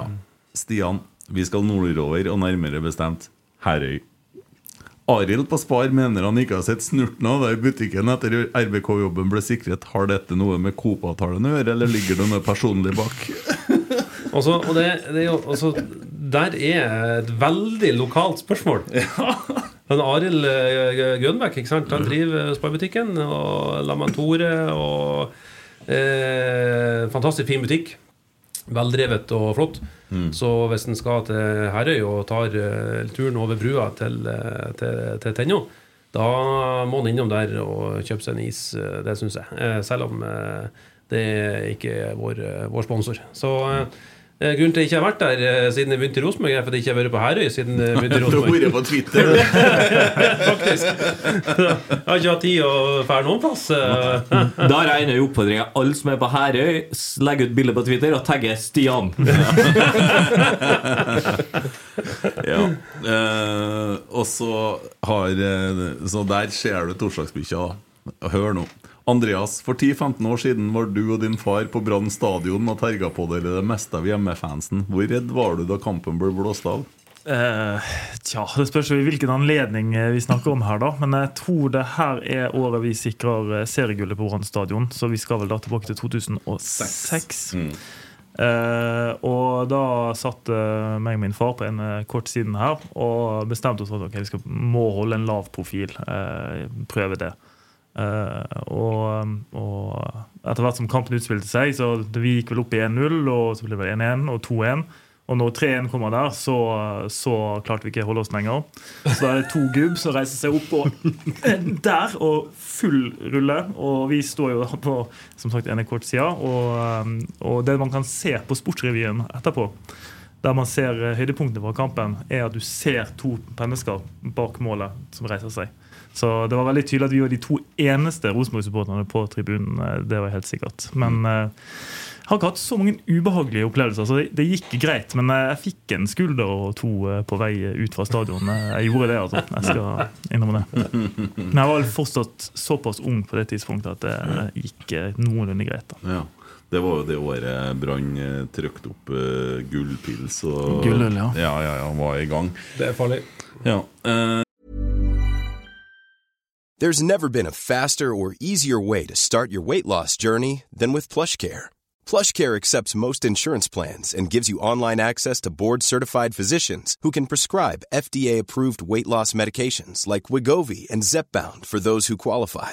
Take charge of your health and speak with a board-certified physician about a weight loss plan that's right for you. Get started today at plushcare.com slash weight loss. That's plushcare.com slash weight loss. plushcare.com slash weight loss. Hiring for your small business? If you're not looking for professionals on LinkedIn, you're looking in the wrong place. That's like looking for your car keys in a fish tank. LinkedIn helps you hire professionals you can't find anywhere else, even those who aren't actively searching for a new job but might be open to the perfect role. In a given month, over 70% of LinkedIn users don't even visit other leading job sites. So start looking in the right place. With LinkedIn, you can hire professionals like a professional. Post your free job on linkedin.com slash achieve today. Wow. Nice. Yeah. What you're hearing are the sounds of people everywhere putting on Bombas socks, underwear, and t-shirts made from absurdly soft materials that feel like plush clouds. Yeah, that plush. And the best part? For every item you purchase, Bombas donates another to someone facing homelessness. Bombas. Big comfort for everyone. Go to bombas.com slash ACAST and use code ACAST for 20% off your first purchase. That's bombas.com slash ACAST. Code ACAST. Uh, også en tur til en eh, Stian igjen fra torsdagsbikkja. da. Eh, slipper ikke helt dette René-sporet vi var inne på sist. Hvilke av disse For du heter jo Stian René Det stemmer. Morsund. Maursund, ja. Det skrives jo Morsund, men det er Ja, ja. Maursund. Det er riktig. Maursyra. Maursund. Det er helt rett. Ja, det skal jeg aldri glemme. Jeg må tenke Maursyra når jeg tenker jeg på det. svarer på begge, da, fordi det, alle tror at det heter Morsund. Jeg har sagt Morsund. Ja. Ja, men Så jeg jeg, slutta å jeg korrigere. med det nå. Ja, og nå tok jeg og begynte igjen å korrigere. Ja, men jeg gir meg. Ja, takk. Eh, Du vet jo det er bedre enn meg, vil jeg tro. Ja, i hvert fall, eh, det, det har jeg fått fortalt. Ja. Hvilke av de Nå er det altså René. Ja. Ja. René. René, you silly woman. Ja. Hvilken av disse Renéene vil du sammenligne deg mest med? 1. René Higuita. 2. René Andersen. 3. René Diff. René Diff er jo legende i Aqua, og René Andersen var en eh, meget habil vokalist. eh, Og eh, førsten var Higuita. Higuita, ja. Scorpion Kick. nei, da går jeg for René i Allo Allo Allo. Ja, ja. Alternativ fire. Ja. det var et vanskelig spørsmål. Har du flere alternativ? Eh, og så Emil Almås spør hvor gammel er Stian. Umulig å si om han er 25 eller 45. Å, søt han Emil der, da. Men jeg ser deg jo både i Nidar-reklamen der. Du ligger på gulvet og Ja, ja, ja. verdens beste sjokolade der inne. Ja. Verdens beste godteri. Og så plutselig kjører du trøkk i TV2 Play. Og, Jeg er ivrig. ja, Ja. overalt, ja. Hvor gammel er han, Stian? 28. 28, ja. Ja. Nei, da er jeg hva er jeg? 40, 49. Mm. Født i 1973, da. 74. 74. Ja. Ja, akkurat. Da har vi fått på plass det. Men vi sier takk til Emil Almås for det hyggelige spørsmålet. Jo, det var jo ganske eh, Hva skal jeg si eh, smiskgodt, da. Ja, helt på sin plass, syns jeg. Emil Almås han ser ut som han er 68 for tida. Han har ikke barbert seg på lenge, så han ser bare livsfarlig ut. Eh, Roger Bremnes. Blir det sene dager på Maursund i jobben som Hørte jeg nå? Ja, veldig bra. Ja, Var det helt riktig? Ja, det var optimalt. Ja. I jobben som markedssjef, og hvor ofte kommer han seg helt hjem uten å trenge bergingsbil ti meter fra gårdsplassen? Det er jo det er torsdagsbikkja-nivå på den der, egentlig, faktisk. Ja. For det, ja, det, det blir jo noen uh, sene dager. Det blir det. Det skal sies. Men uh, det er jo kanskje det som er litt morsomt med en, en jobb som, som også er en interesse. da At uh, selv om det blir noen, noen kveldstimer og noen, noen helger, så, så er det noen oppgaver òg som, som er, er morsomme å gjøre. Fordi det har med, med Rosenborg å gjøre. Men en må passe på, som han sa, han eh, Jens Nylund, som var en av gründerne i Nordbus, der jeg kommer fra, han sa at du må, må ikke bare skyte, du må lade også. Eh, og det er kloke ord. eh, så, så selv om det er artig, så må man passe på å roe ned litt, så han ikke brenner opp kruttet. Men eh, eh, jeg hadde jo faktisk et problem med bilen. Altså, som, eh, det var litt lekkasje av luft i dekket. Og eh, så liksom hver tredje-fjerde dag så måtte jeg fylle på luft. Eh, og hadde ikke pga. alt eh, arbeidet jeg holdt på med, så hadde jeg ikke hatt tid til å, for å få reparert dekket. Eh, og det her glemte jeg av, så jeg kjørte da ut fra eh, gårdsplassen eh, i ti meter. Og så hører jeg jo sånn en Ja, den er dyr. den er dyr. Og eh, går ut, og jeg sier jo selvfølgelig at det er jo helt Ser jo inn, inn i uh, innsida av felgen. Og ringer jo eh, til NAF. Jeg har NAF-medlemskap, og det vil jeg anbefale alle å ha. Det er lurt når sånne ting skjer. Og da kom det en kar. Og han jekka opp bilen, og han eh, fant ut at det var en skrue i dekket, og tok ut den. Og så tok han og eh, lappa dekket da med en sånn guffe, sånn streng han stappa inni. Og det tok kanskje et eh, kvarter, så var jeg eh, on the road igjen. Men jeg sto jo der til spott og spe, eh, ti meter fra hjemmet, i en liten time før han kom. Men det må jo være en kompis av en uh, Pol Roger eller noe sånt, da, i og med at han kjenner den historien. For det har ikke jeg fortalt til noen. Nei, nei det, det vet jeg ikke. Det er torsdagsbikkja som har sagt det, sikkert. Ja, det kan hende. Kan hende. At han har begynt å få seg ansatte som jobber for seg. Han eller hen vet jo alt. Ja. Erik Frank har eh, skrevet noe. Eh, så kan jo lese det, og så kan vi jo diskutere det. Eh, for det kommer en påstand nå. Etter den lite hyggelige avskjed som en hel del fans visste Rekdal, har klubben et omdømme som dessverre er i fall. At avisenes eksperter i gåsehudene heller bensin på bålet, er bare for jævlig. Klikk viktigere enn RBK, tydeligvis. Grip tak i dette problemet og få bort pøblene. Da kan jeg bare si for det første så vet jeg at det var ikke noen fans som man bruker da, eh, som har sendt en, eh, Kjetil meldinga etter han eh, fikk, ble avskjediga. Det var før. Eh, Det høres ut sånn på VG-intervjuet eh, at det har skjedd etterpå, men Ja, det, det er feil, og det sto en sak i Nidaros, så det er feil. Dere snakka med Kjetil om, og han og sier jo det. Altså, det her har jo skjedd i tida han har vært her Ja, sånn, ja. som trener. Så det er ikke sånn at folk har drevet oss og sendt han stygge der, der, Tvert imot så har han fått utrolig mange hyggelige meldinger. det er bra. Uh, ja, og takk for innsatsen, og både han og Geir. Uh, så er spørsmålet Er klubbens omdømme i fall? Det er kanskje eh, Kanskje vanskelig å sitte i klubben og svare på det. Mm. Um, Alex, du sa jo i stad at du valgte å gå av Twitter en stund for du følte det var bare negativitet. Hvordan er det nå? Det er jo en stund siden du kom tilbake på Twitter. Ja, men du ser jeg ganske kommenterer veldig lite og skriver veldig lite. Jeg ser ikke, ikke her. Nei, nei.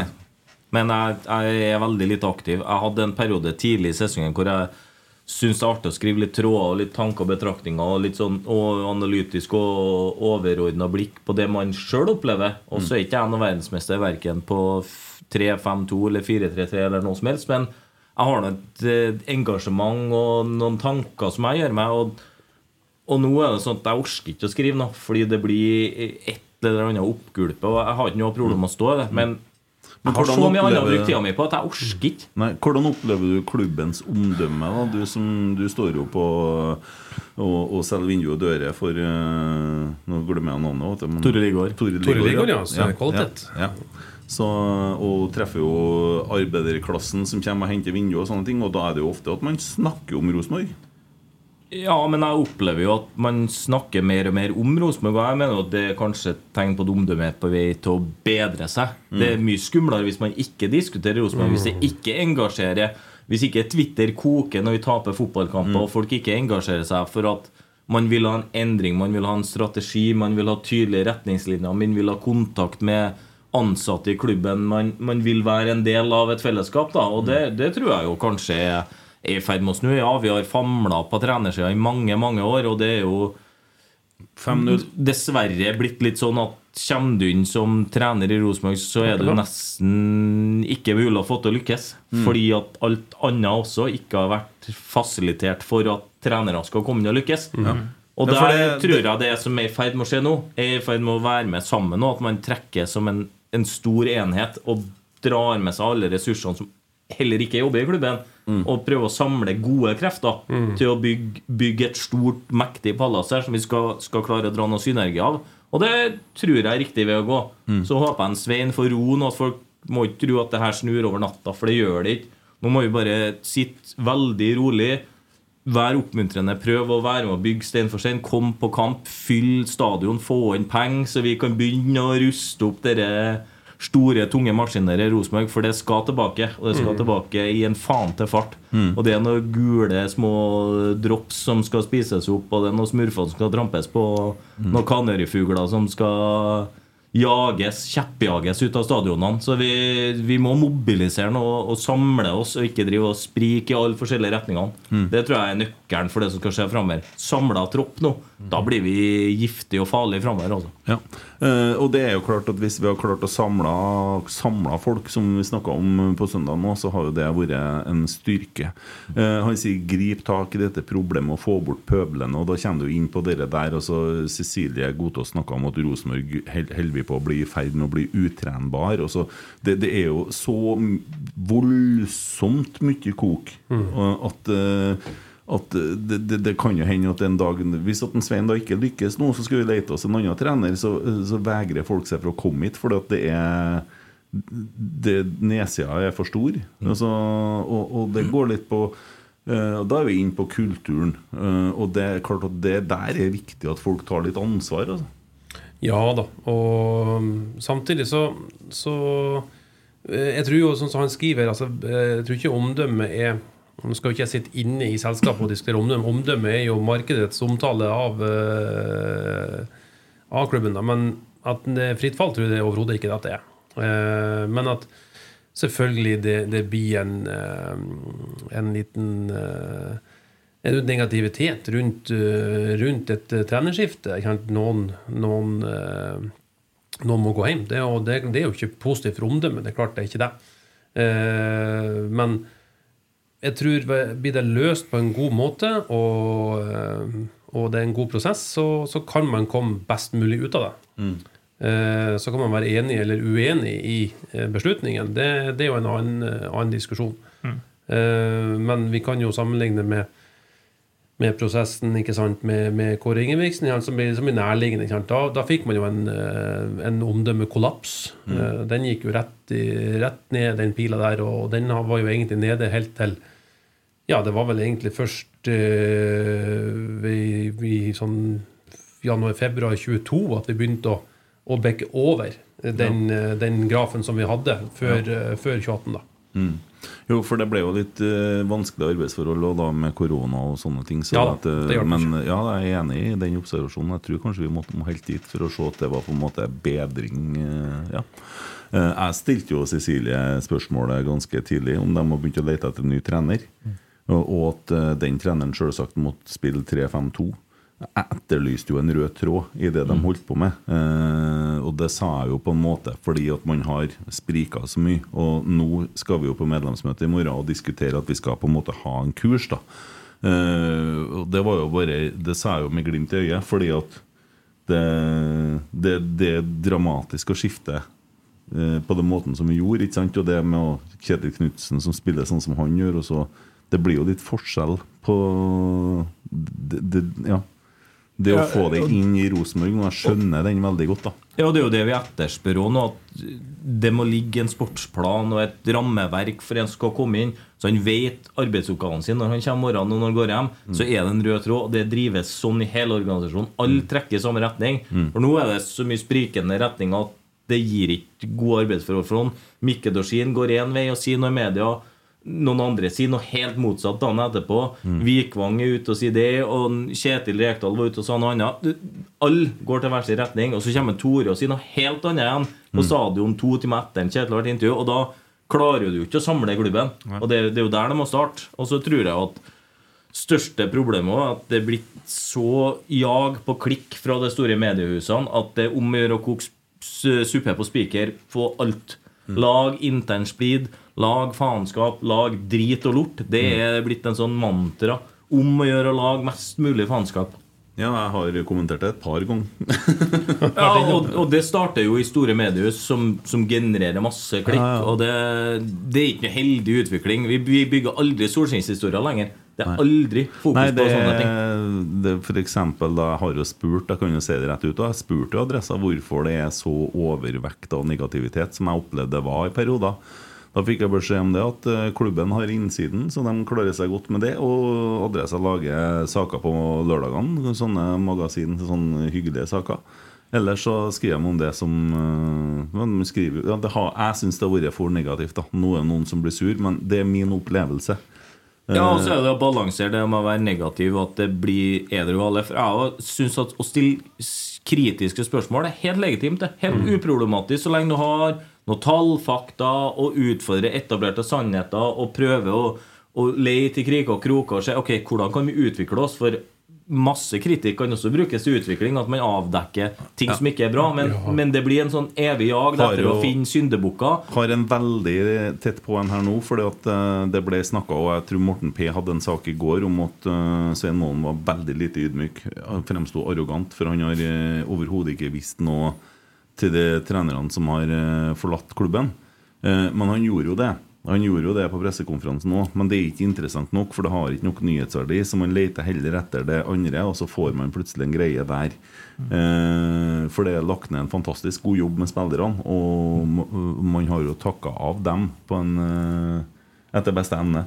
Ja, det vil jeg tro. Men, eh, og det der, der ser man, ja. Dere, da kan det fort bli en sånn ting, ikke sant? Uh, så ja. Og, og skal han Svein straffes, da, som får tidenes jobbmulighet i fanget, Mm. skal han si Nei, jeg, jeg kan ikke være med på dette her, fordi at jeg har to som har vært her før meg, som jeg har Ja. kjemperespekt for. Det er ingen som sier det. Nei. De internt har lyst til det der, og de har garantert hatt en god dialog. De er jo et team. Mm. Men selvfølgelig, hvem som ikke hadde tatt jobben som Rosenborg-trener når du får den servert det, det her er Svein Målens mulighet. Mm. I en jobbsetting hvor det har vært naturlig med lang prosess. Da har ikke Svein Målen vært trener i Rosenborg. Skal, Nå får han skal være. Nils Arne Eggen, så er han på sin e- første. Og Nils Arne var vel det her fire ganger. Så Ja, det, men her er golden ticketen ja, ja, til Svein. Det er muligheten. Enig. enig. Men det kan jeg også si, da, som, eh, som en supporter som har stått på utsiden, og veldig langt på utsiden, som har bodd i Bergen og kun lest media, og det å faktisk nå ha jobbet i klubben og vært på innsiden et år eh, Det som er en betraktning jeg har gjort meg, er jo det at altså en del av de historiene som presenteres gjerne over flere dager, eh, framstilles jo som at det her er det utvikling i saken, mens det i realiteten egentlig ikke skjer noe fra, fra søndag til tirsdag. fordi at eh, det, liksom, det har vært en lett restitusjonsøkt, og spillerne hadde fri på tirsdag, og egentlig ingen har møttes. Men allikevel så framstår det som om, som om eh, det er veldig mye utvikling i saken, og at eh, folk eh, prater på telefon, og i, at det er masse som skjer. da. Men jeg vil si at hverdagen vår på Brakka er relativt stille og rolig sånn sett. da. Ja, det er det jo. Ja, jeg syns det er urettferdig at dere som eh, jobber på Bråka, blir nødt til å henge ned bannerne. For det er jo ingen som sitter i styret som jobber på Bråka. Så når dere kommer på jobb, så er det dere som må ta ned dem. Men det er jo til styret beskjedene. Og kunne like godt ha hengt det på Trondheim Torg. Ja, nei, altså, det der uh, skal ikke jeg legge meg opp i. Hva altså, du det- gjør med stoffet? Er det noe du får sydd om til noe Ja, du skal bruke på RBK-shoppen? Vi, vi bruker det som duk på kantina. Nei, men altså, det engasjementet, det, det, det skal vi bare være glad for. Eh, og, og det engasjementet kommer i, i så mange ulike former. Eh, og det er ikke det er ikke verken min eller Andreas sin jobb å, å si at noe engasjement er feil. Altså, vi, eh, vi er glad for at det er engasjement rundt klubben, og så får vi prøve å bidra til at, eh, at eh, den, den jobb, de jobbene vi gjør, eh, også bidrar til at eh, engasjementet kommer til uttrykk, da, sånn som vi, eh, vi ønsker da, i positiv forstand. Ja da, og jeg forstår det at de henger opp det på brakka, for det der styrer møtene sine. Men Det er det. det er nok ikke sånn at det, er Cecilie som dere plukker dem ned. Eh, Leggskrell. Andreas, vil du beskrive klubben som en lærende organisasjon? Kan du kjapt forklare hvordan dere bruker lean-metodikken i organisasjonen? Det var Det ble jo litt eh, teknisk, men eh, at Rosenborg er en lærende organisasjon, vil jeg jo si. Altså, Vi er jo veldig åpne for eh, impulser fra utsiden, og, og jeg opplever at vi som jobber på brakka, er noe, altså, ønsker jo å bli litt bedre hver dag. Det er jo litt som mantra som begynte å gå liksom, litt bedre hver dag, så blir det her ganske greit. da. Og på spørsmålet om lean, altså lean-teorien er jo noe som kommer fra bilindustrien er egentlig med å ha prosessflyter som går veldig strømløst, men hovedtanken der går jo på det å være nært eh, de ansatte, nært eh, kunder. Og jeg opplever jo, og Stian sitter jo i et relativt eh, direkte eksempel på det, at vi har en relativt god dialog med, med supporterne våre, med våre ansatte, med de som er rundt klubben. Så i så måte så anvender vi jo lean-teorien. Men ja, det Bra. Han Leggskrell han drev og utfordra meg til en del limericker. Lenge siden jeg har hørt noe fra han om limerick. Nå, så hvis han hører på i dag, så vil jeg gjerne at han kommer med en limerick om dagens episode til oss. Ja, det hadde fint. Ja, lim limerick er kanon. Det burde ha vært innført. Og dagens limerick på stadion Lest opp av Stian Maursund. Og først publikumstall, og så Limerick etterpå. Det har vært bra. Stian han tok limerick når vi var på eh, Esedals pub og kjøkken. Gjorde det, ja. ja? Du hadde, hadde med et lite dikt. eh, Ja, det stemmer, det. Ja, ja, ja. Det var jo, Og det var klasse. det var jo eh, nordmannen av Ivar Aasen Ja. faktisk som jeg tok der. Det var veldig vakkert, må jeg si. Hjertelig takk. Og et fint navn på han som Ivar, ja. Ivar, ja. ja, ja, ja, ja. Ikke var ikke han som skrev. Nei, nei, jeg skriver ikke noe dikt. Nei, det ble ikke det der. Jeg henger tråd til Åfjorden. Det kan jo hende du får høre det, eh, en limerick, faktisk. For jeg fikk jo testa meg ut som uh, Philip eh, på indre bane Ja. i, på kampen eh, for alle kvinner, Rosenborg mot, mot Brann. Ja, så det. Eh, og det kan jo hende jeg faktisk må i ilden igjen eh, eh, 9. juli mot eh, Lillestrøm. Ja. Hvis eh, eh, alle onde krefter står med bi. ja da må jeg Så- vurdere å ta avbryte ferien og komme fra Nøtterøy for å Ja. høre en Stian. Da blir, Da det blir det amatør, limerick. da blir det amatørenes aften på Lerkendal med, med, med meg bak spakene i spikerbua der og du på indre bane. Da skal vi lese opp eh, bortelaget Nei, det var hjemmelaget. ja. Rundsekk fikk beskjed fra tekniker at eh, han er ikke hjem 9. juli. Han er på ferie. Så Rotsekk får være så god og klare seg sjøl på indre bane. Ja, men så jeg, Hvem som har med kamera? Nei, det er ingen som kommer med kamera. Nei, men da tror ikke jeg det blir noe sending fra indre bane. Jeg kan ta det, jeg står der. Så det blir vel eh, verken indre bane eller kommentering, så vidt jeg vet. Men det blir podkast etterpå, men det blir uten meg. Så det, ja, det blir en aften, dette her. Det blir en helaften. Eh, Men kamp i det. Kamp blir Kamp det. blir det. Ja, Blir det seier? ja det har jeg Hvis ikke, så skal jeg henge opp bannere. Jeg har tro på det, altså. Men ja. det er jo ikke noe walkover mot, eh, mot Lillestrøm. Det er Nei, jo alltid det- en tøff match, det. Nei, det, det, det tror ikke jeg det er. Når det ikke var noe walkover mot Sandefjord, så Nei, Nei da. Men det, er det, det er jo det som jeg, jeg er litt eh, artig med Eliteserien òg, da, for å si det sånn. Eh, selvfølgelig veldig artig hvis Rosenborg bare vinner hele tida. Men eh, årets eliteserie er jo veldig prega av at alle slår alle.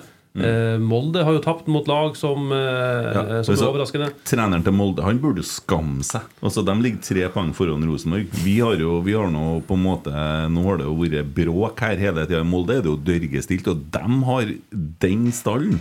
Jo, Altså, men det er jo de ikke rart det er dørgestilt. Det er jo ikke folk på stadion. Nei, men det, Det er ikke bannere som henger i Molde. til de resultatene med det laget, da. Dere er gutter som tjener fire ganger Rosenborg-spillerne per haug. Ja. Ja. Men det, det er en tøff, eh, tøff liga, tøff Ja, eliteserien i år. Altså det, Fy og fy, Molde, hvor dårlig dere er. Fytti grisen. Eivind spør hvorfor har ikke utvalget av mat, drikker og snop utviklet seg på Lerkendal på x antall år? Må da være noe å hente her? Ja, Dere har jo outsourca den Også. sant? Ja, det er outsourca. Det er jo ja. Snackzone-selskapet som, eh, som jobber med det. Så hvis, eh, hvis det er litt eh, magert eh, utvalg, så eh, kan vi ta opp det. Mm. Opp til meg så fjerna kioskene, så vi hadde bare kaffe. Ja. Puttedrops. Jeg vet ikke hvor mange ganger etterspurt det puttedropsene. Noen er nødt til å komme seg på jobb og få tilbake puttedropsene. Puttedrops. Puttedrops. Fins det i butikken? Det har ikke eksistert på 25 år. Nei. Det var Nei, men med et godt samarbeid med Nidar, så får man det. vet du Ja, Det skal ikke være noe problem. Helt legendariske drops. Den er Det så ut som drakter. Det var hvite og svarte. Det var sånn pulver var helt legendarisk. Helt nydelig. Det er jo artig hvis vi har fått det. Fikk meg putte skoledagbok og pakke puttedrops før sesongstart. trollet het Putte, sant? Ja, ja, ja. Men Ja, ja, selvfølgelig. Du kan jo kalle det noe annet enn putta. Du kan jo Ja. kalle det Maursund-drops eller et eller annet. Maursund er jo et drops i seg sjøl. Ordet Maursund-drops var det faktisk. Det er nesten for meget. eh, Bare, bare nesten. Nei, men det, for, for- meg, at folk skal gå og hente den store baconkrispen Hun må- Vi må gå før det er pause òg. Så, må all, så mister du noe litt, da. For det er jo problemet når du sitter på langsida. sant? Og da kommer det jo en diger eh, dude og skal presse deg forbi deg. Og så, Men der har jeg jo et eksempel. Jeg har jo ei datter som ble seks år nå. Og tok med hun på første seriekamp mot Viking. Og da var vi på shoppen først og fikk velge seg valgfri drakt. Jeg hadde håpet hun skulle ta den grønne. Nei, hun skulle ha hvit og original og alt Ja, det ja, der. Ja. Vi gikk og kjøpte oss litt godis i kiosken. Vi fikk litt baconkrisp. Vi satt tett på banen. Hun syntes det var en kanonopplevelse. Per kom etter banen. Nei, sier du det? Og da det, ja. Mm. kommer han i grønne drakten. Og Oda, dattera mi, sier Hva er vitsen med det der? Ser du hva jeg har på meg? Jeg kommer for dere i dag, og så kommer du med det der, sier hun. du er seks år. Og Per må jo beklage da. 'Nei, unnskyld, vi bruker vi til vanlig.' Og, men, men hun har blitt så hekta på den opplevelsen med at vi kjøpte oss en godis, så hun driver og tegner i barnehagen nå. Lager han og lager invitasjoner ting og sånn, med Rosenborg-logo. Liten sånn Rosenborg-logo på ting. Og hun er helt frelst og spør hver gang er det hjemmekamp i helga. Og, mm. og hun, hun syns det er skikkelig storstas å få være med på kamp nå. og Det Det har blitt en sånn bra greie. Og hun er bare seks år. Og det, det er ikke naturlig at ei jente på seks år får den interessen, men det er litt det hele konseptet og det å få være tett på. og- mm, Ja, Ja, jeg skjønner det. herlig. Det skulle være litt artig med folk som driver og skal komme seg til kiosken før den blåser av og jeg må miste et angrep og sånn. Uh, nei, det er godt å høre. Uh, en annen ting uh, som vi kan ta der Jeg var jo på Rosenborg Brann. Rosenborg A-lag kvinner. Ja, mm. Og, Fin match. Ja, det var det. Og hadde med meg min datter på da seks måneder. Uh, og, og la merke til at det var veldig mye jenter på stadion. Mm. Ja, ja. Det er fint, det, altså. Veldig artig. Ja. Det, og det, det som er artig, er at det, kampopplevelsen er helt annerledes. Eh, fordi engasjementet på tribunen Nå var det jo eh, tett oppunder 5000. Eh, rekord for, eh, for året i eh, toppserien. Eh, Brann eh, hadde rundt, eh, rundt 3000, ja. Så det er også, også bra. Eh, og, men det, det, det, det, koker på tribunen på, eh, på en sånn kamp. Med en, en, en voldsom hyling og hoiing nesten på hver eneste situasjon. Eh, så, så bare det å, å være der og oppleve det trykket fra 5000 Altså jeg tenker Hadde det vært 20 000 der, så har jeg antageligvis fått uh, hørselsskade. For det er en sånn høg, høg pitch og vanvittig trykk. Eh, og det, det, det, det skikkelig koke. Ja, for det blir litt det samme som du har 16. mai, for russen oppfører seg likedan Ja. mm. som ungene. For de må hyle når det er ting som skjer. De, Helt herlig. Det, det var litt sånn, så jeg skjønner, jeg skjønner den. Veldig artig, altså. Men eh, nei, Emma hun skal få se at det går an å være jente og spille fotball på Lerkendal. Det, det syns jeg er fint. Ja, og så er det noe med det at jenter som er på jenter mm. Det er liksom, Vi må bygge opp jenter nok Ja, at de skal kunne stå Du har nå et fotballag med jenter, og jeg har nå en del jenter sjøl som vi har produsert. Og, Ja, ja. og jeg ønsker jo ikke noe annet her i livet enn at det skal være ok å være jente og spille fotball. Og mm. Dattera mi spiller ishockey og syns det er helt konge. Kline guttene i vantet. Og, og det, det er kult at jenter kan ha en arena nå som de blir akseptert på, og kan faktisk være Rosenborg-spillere, dem òg. Det syns jeg er kjempebra. Jeg hyller det. Vi må ha mer av det. Jeg er helt enig. Og så ser jeg nå at eh, måten fotballen eh, omtales på, måten det, det skrives i mediene, så er det ikke sånn her eh, at, at det er noe annerledes enn herrefotballen. Det blir omtalt for den fotballen det er. Eh, og, og det det er, er jo faktisk eh, veldig høy eh, teknisk interessant fotball å se på. Eh, herrefotballen har jo etter hvert blitt veldig fysisk. Eh, der du er veldig avhengig av å være eh, fysisk sterk eller veldig hurtig. Eh, men det her vakre tekniske spillet med de mange fine fintene og driblingene og, eh, og, eh, og frispilling, eh, det, det, det ser du jo litt mindre av. Mens på, på en, en god kamp eh, hos eh, alle kvinner, så kan du jo faktisk se flere ganger i en match. Frispilling bakfra, ut på kant. Innlegg fra Synne Skinnes Hansen, som dessverre forsvinner ut til, til tysk liga. Eh, og og, og man, man spiller seg fra eget forsvar over i angrep og skårer.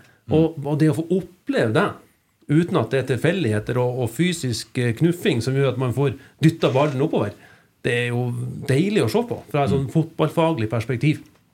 Og, og der har vi veldig mange gode spillere. Nå fikk vi jo av gårde var det tre vi fikk av gårde på, Tre, ja. eh, på mesterskapslaget nå. Det er jo deilig. Nesten fire. Nesten Nesten fire, tre og en halv der. Men, eh, ja, og, men publikumstallet på Koteng Ja, det er veldig bra. Ja, ja, ja. ja det er strålende. Altså, vi har jo en kapasitet der på 600.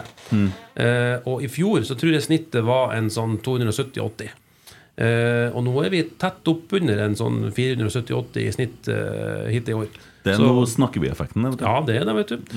Eh, og prosentvis, da. Tar du, tar du vekst, eh, vekst i prosent, så hvis eh, noen eh, sponsorer hører på eh, og vurderer å være med på, på en vekst, så det er ingen annen idrett som kommer til å vokse mer i publikumsinteresse enn eh, A-lagsfotballen for kvinner i årene som kommer. For den, Vi kommer nesten til å doble kapasiteten år for år nå. Eh, og det ser du Det har skjedd i England. Nå hadde jo Hva var det? Var det Arsenal sitt eh, eh, kvinnelag i Women's Premier League som faktisk hadde høyere snitt enn eh, Bournemouth. enn Bournemouth, ja. Som i herrenes eh, Premier League. De hadde 15 000 i Arsenal og rundt 10-11 på, på Bournemouth. Eh, så det, det, det, det kommer, vet du. Det kommer, og det er deilig at vi i Rosenborg vi er med eh, endelig. da? Vi har vært sein, sein der, ikke sant? Men, eh, men nå er vi der. Og nå tar vi vår del av den, eh, den kaka. Ja, nei, men Det er tydelig at det jobbes godt. Uh, bare legg til og si det enda en gang at uh, det finnes en podkast som heter Nå snakker vi. For dem som uh, ikke har fått med seg det. Og den går det an å være verdt å høre på. Jeg skulle, se, jeg skulle liksom spille jinglen deres, for den er litt kul.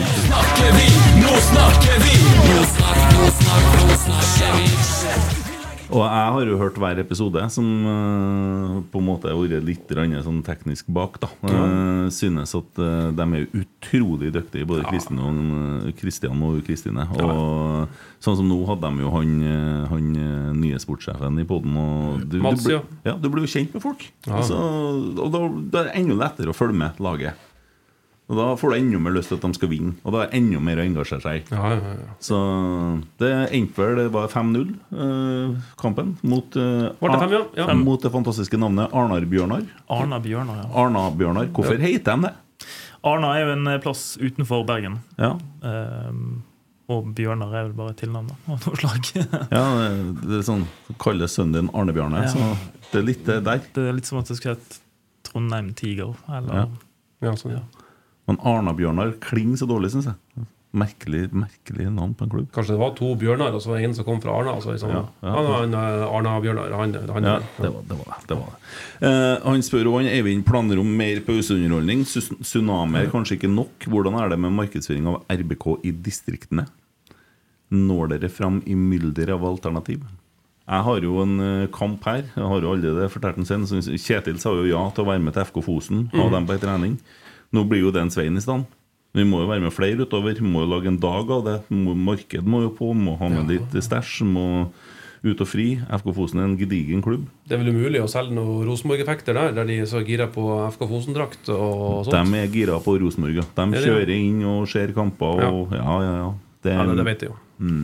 Og jentelaget deres nå rykka vel opp til førstedivisjon, tror jeg det sto på Twitter her, nei, på Instagram i går.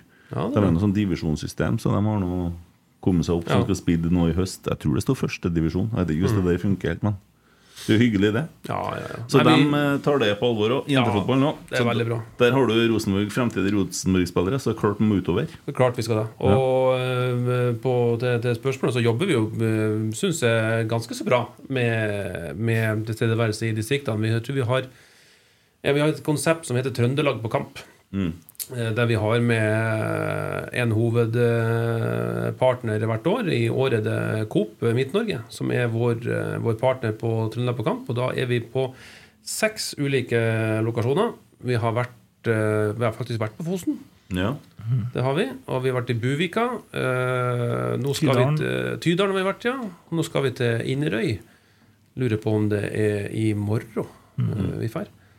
Eh, og da er det jo opptil en eh, Ja, fra, fra et, et par til eh, seks spillere. Fra både A-lag herrer og A-lag kvinner.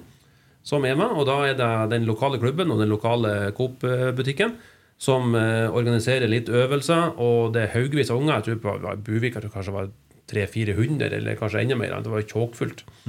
Og en liten autografstasjon, og får en liten meet and greet og litt selfie med spillerne. Og, og så er spillerne med på noen, eh, noen treningsøvelser og noen pasningsøvelser og sånt.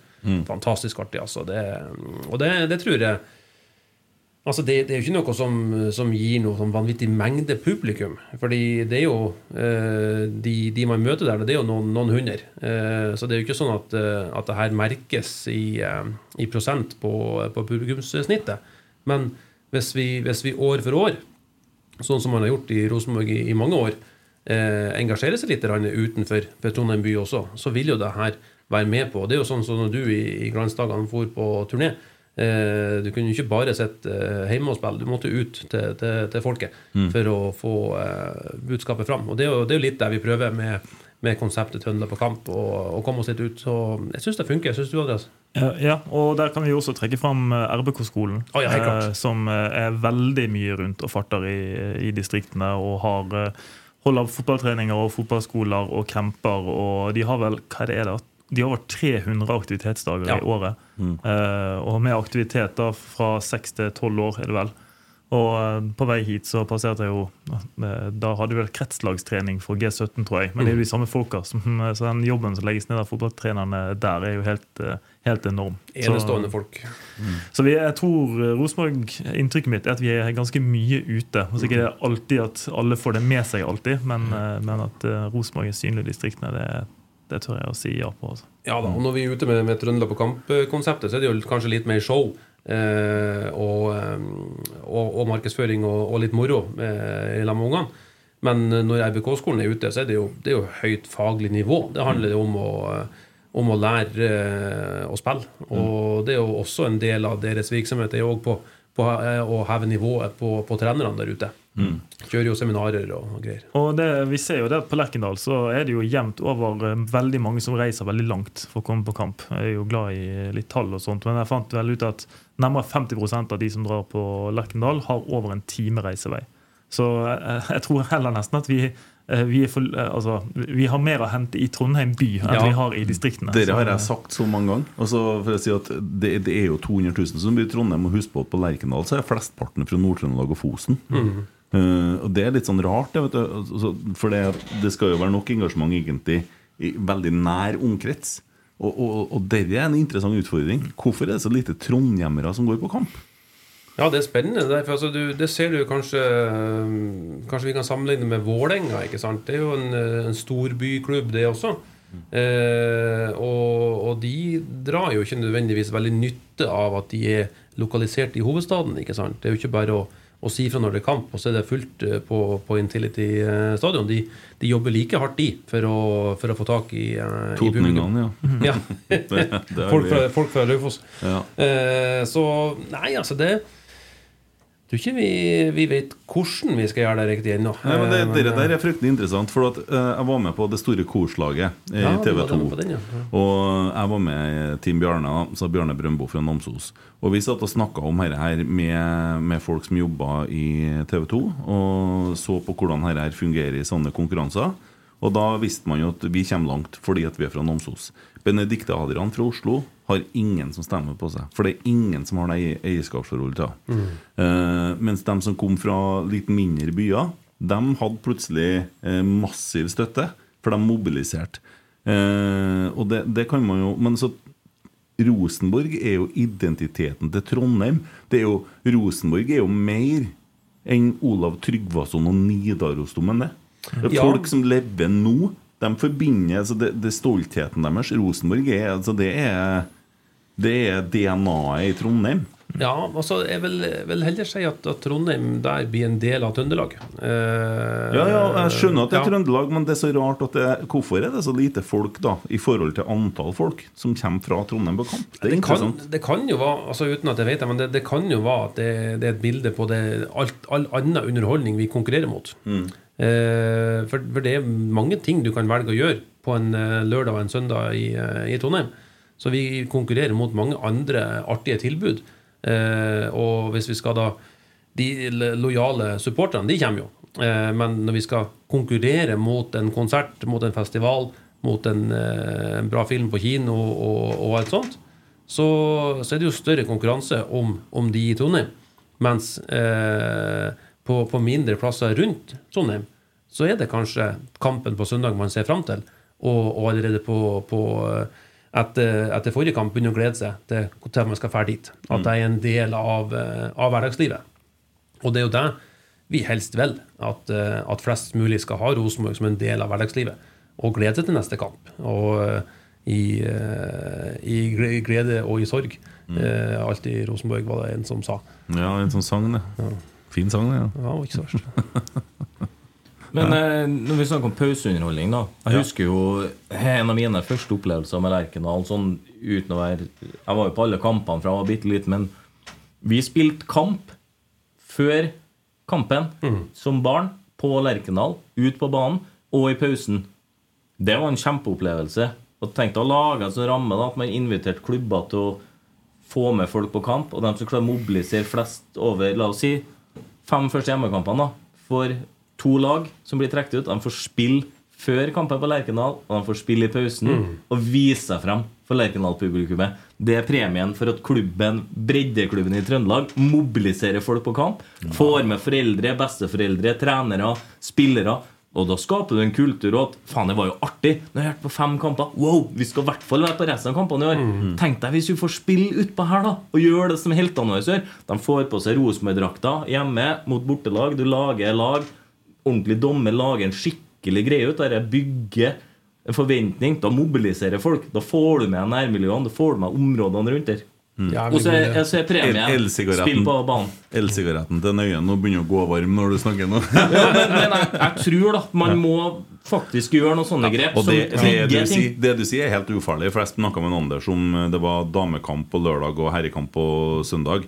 Uproblematisk, for de eh, trør ikke ned i gresset. De er- blir så lett at det er uproblematisk. Det har vært uproblematisk gjort akkurat det du sier. Og det blir samme prinsippet som når vi var ute og spilte.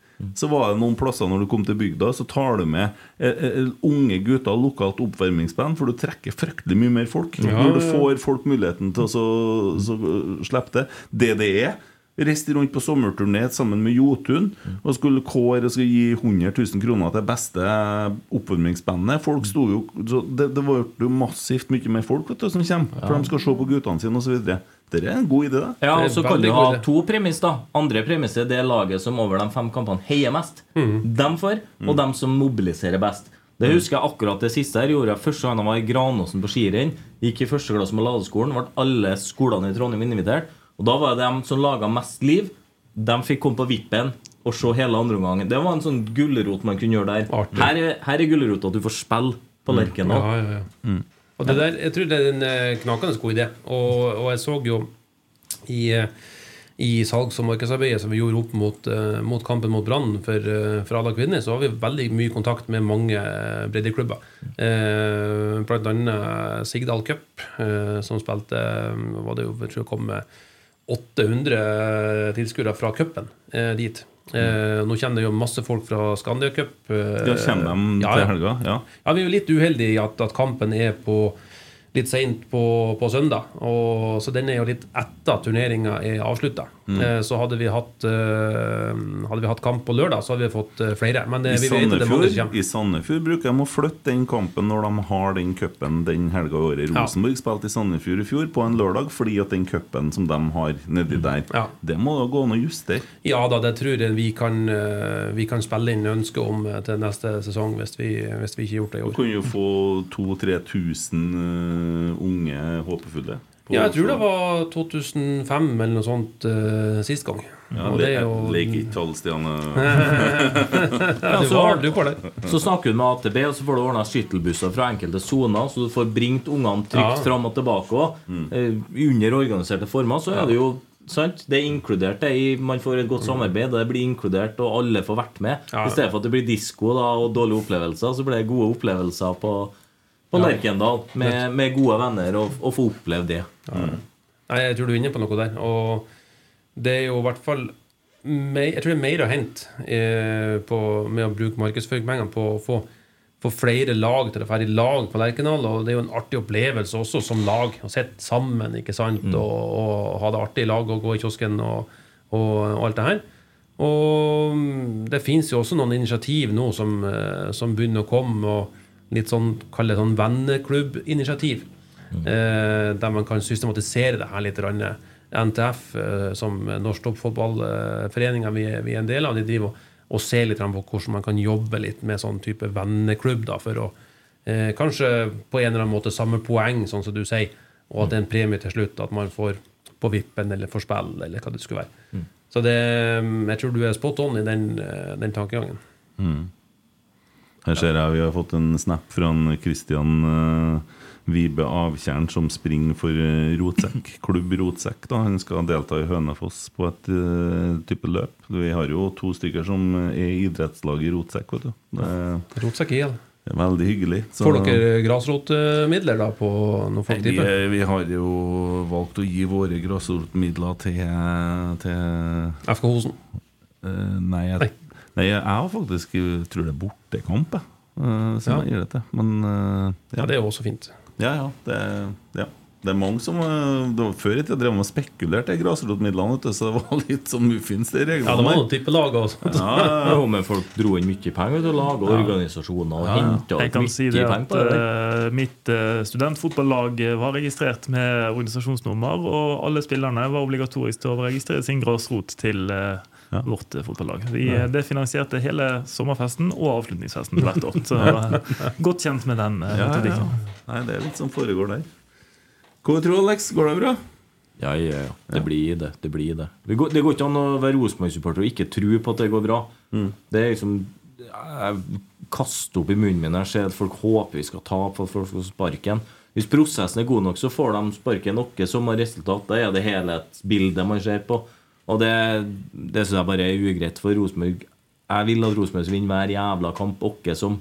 Om det er Kjetil Rekdal eller Svein Vålen eller hvem som er trener, det driter jeg i. Det- Logoen er mye større enn noen som helst enkeltperson. Og det her må vi jo være positive på. Hvis ikke så kan jeg jo begynne å heie på et annet lag. Eller begynne å se på sjakk, eller vannpolo, eller hesteløp, eller finn på noe Jeg hadde jo en sånn, jeg var sånn nedåt her, det var 2013 Da bestemte han for å skrive det på Facebook Da det dukket opp som inne, At jeg skulle heller bli noe orienteringsløpsupporter da Uten GPS Og så møte opp eh, der det er orienteringsløp Og sette meg ved startstreken og vente på. Der kommer du, da! To timer etterpå Det er jo sikkert helt suverent. Sitte i sola. Og regne Ja, nei, Det går an, må, vi må øh, håpe at Rosenborg skal vinne. Og det Ja, jeg har jo tatt meg sjøl òg i at jeg sier at jeg driter i hvordan vi vinner, bare vi vinner. Mm. Og så tar jeg meg sjøl når vi spiller kjedelig fotball, men vi vinner. Så er sånn, ah, nei, vi vinner på feil måte. Sånn, faen, nå snakker jeg mot meg sjøl. For i går så sa jeg at jeg driter i hvordan vi vinner, bare vi vinner. Mens i dag så er jeg kritisk på at vi ikke vinner på rett måte. Så jeg må jo gå i meg sjøl, jeg òg. Mm. For jeg, jeg klarer jo å finne Alltid, Man klarer jo å finne feil. Hvis man søker, så finner man det. Mm. Aldri noe problem. Og heldigvis, for hvis ikke så har ikke vi sittet her og holdt på med podkaster. Vi har noe som heter motspill, noe som gjør at det blir litt interessant. Har ikke, Ja vi hatt, har ikke hatt det, så har, vi, da har det vært så Det har ikke vært noe å snakke om. Da er det Så- bare å følge planen. Ja. Og man bryter ned og ja, skal finne åpninger. Og jeg så 11 mot 11 i dag. Carlo, vet du. Steike eh, for noen mål. Ja, han er god. Ja, det, det var herlig å se, altså.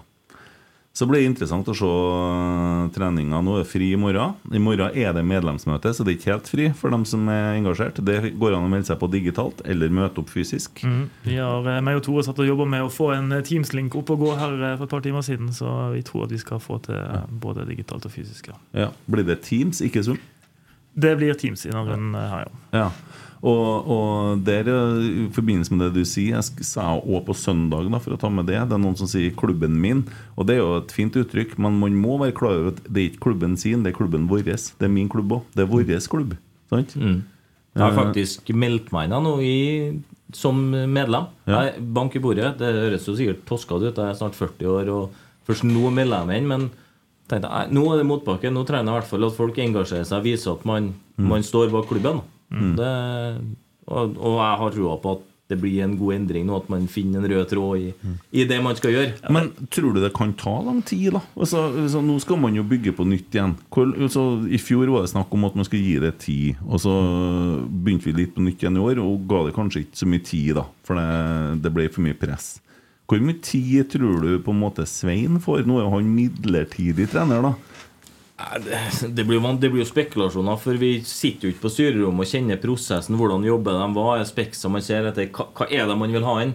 Hvis en Svein vinner ti kamper på rad så tror jeg at man nesten ikke gjør den prosessen og leter sjøl. Jeg mener at det må man gjøre nå. Nå må man gjøre en grundig prosess, men man må først forankre hva skal Rosenborg være. Hvordan retning skal Rosenborg være, og hva det skal vi stå ved. Og så må treneren hentes ut ifra den skåla vi skal forme den i.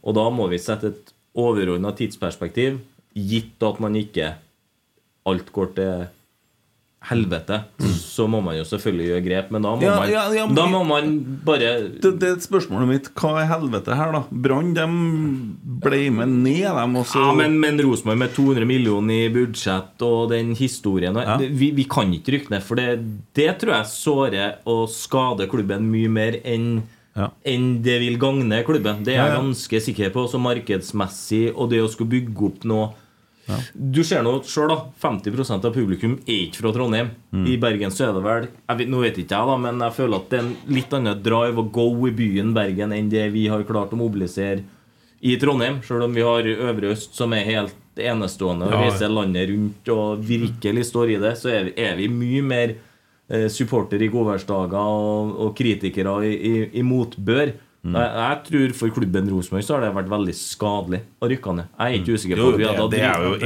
hatt ryggrad til å bygge det opp, og at folk har stilt seg bak. Og jeg er ikke sikker på at det har vært sunt for oss. Og da, da må man gjøre grep hvis man havner i en sånn situasjon. Men, Nei, det er ikke, ikke sunt. Nei, nei, det, nei det, det er ikke det. Så vi, så vi må bygge et fundament nå, og vi må ha en plan, og den planen skal vi følge oss om. Mm. Og så er det selvfølgelig enkelt, og så må du trykke nødbremsen hvis du ser at dette går ikke. Men, men da har man kanskje ikke gjort en god nok jobb i forarbeidet heller. Og det er jo der vi har slurva nå. Vi har ikke fasilitert nok for dem som har kommet inn til å lykkes. Vi har ikke laga en plattform man kan lykkes på. Og da om vi hadde henta nesten hvem som helst, så har det blitt eh, vanskelig når det ikke premisset ligger der. Hva er det du, hvordan er bestillinga di? Det, det må være samsvar. Kart og terreng må stemme. Og det, den jobben må Rosenborg som klubb nå definere. Det er for lett å drive og finne syndebukker og henge folk i galgen. Og nå må Rosenborg som organisasjon finne måten de skal drive den klubben her på. Og bruke medlemmene. da. Masse ressurssterke folk som, som er medlemmer.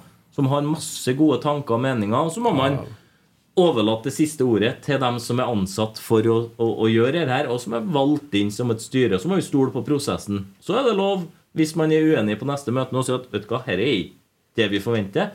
Da må vi ta en ny runde igjen. Ja, ja. Så jeg, jeg håper at, nå, at klubben gjør en så god jobb nå at man ikke kan sitte på samme tida neste år og si at ah, nei, nå er vi her igjen. da Vi er hodeløse. Nå spiller det laget sånn, og det laget sånn, og A-laget sånn, og kvinnelaget sånn. Men at Rosenborg er samla. Vi er en enhet. Vi trekker i samme retning. Her er planen vår. Alle kjenner planen. Alle vet hvordan vi skal håndtere dette. Det, det tror jeg blir helt nøkkel nå. Det er jo som å drive en vanlig organisasjon, bare Ja. at du har en del andre faktorer med mottrekk og spill og, og alt det der. Men det Vi må bare finne, finne veien vår nå. Og det, vi har hatt så mye veivalg at jeg er nesten litt sånn sjokkert over at man ikke har trykt i nødbremsen før. da At den tydeligheten på hvor vi skal nå, den burde ha vært der for mange år siden. Og det hvem som er skyld i det, det blir bare dumt å fordele skyld bak i tid. Det, det har ingen misjon. Nei, Jeg opplever jo at vi, vi er altså Nå har jeg vært her i et år, og jeg opplever jo at klubben er i ferd med å samle seg. Mm. Og at eh, man er i ferd med å bygge den plattformen og stake ut den retningen for hvor man vil. Og, og, eh, ja, så jeg, har veldig troen på at det her blir veldig bra til slutt. da. Ja, Ja, tror ja, jeg, ja, altså det, en, en annen viktig ting er at det selvfølgelig er jo det er jo sporten vi Det er jo det som er produktet. Vi skal jo spille fotballkamper og, og eh, helst vinne flest mulig og, og, og, få trofeer. Eh, men produktet òg er jo eh, Eller sluttproduktet er jo akkurat det. Skal holde Nei, jeg var bare Jeg hørte den lyden. Men, ja, ja, sorry.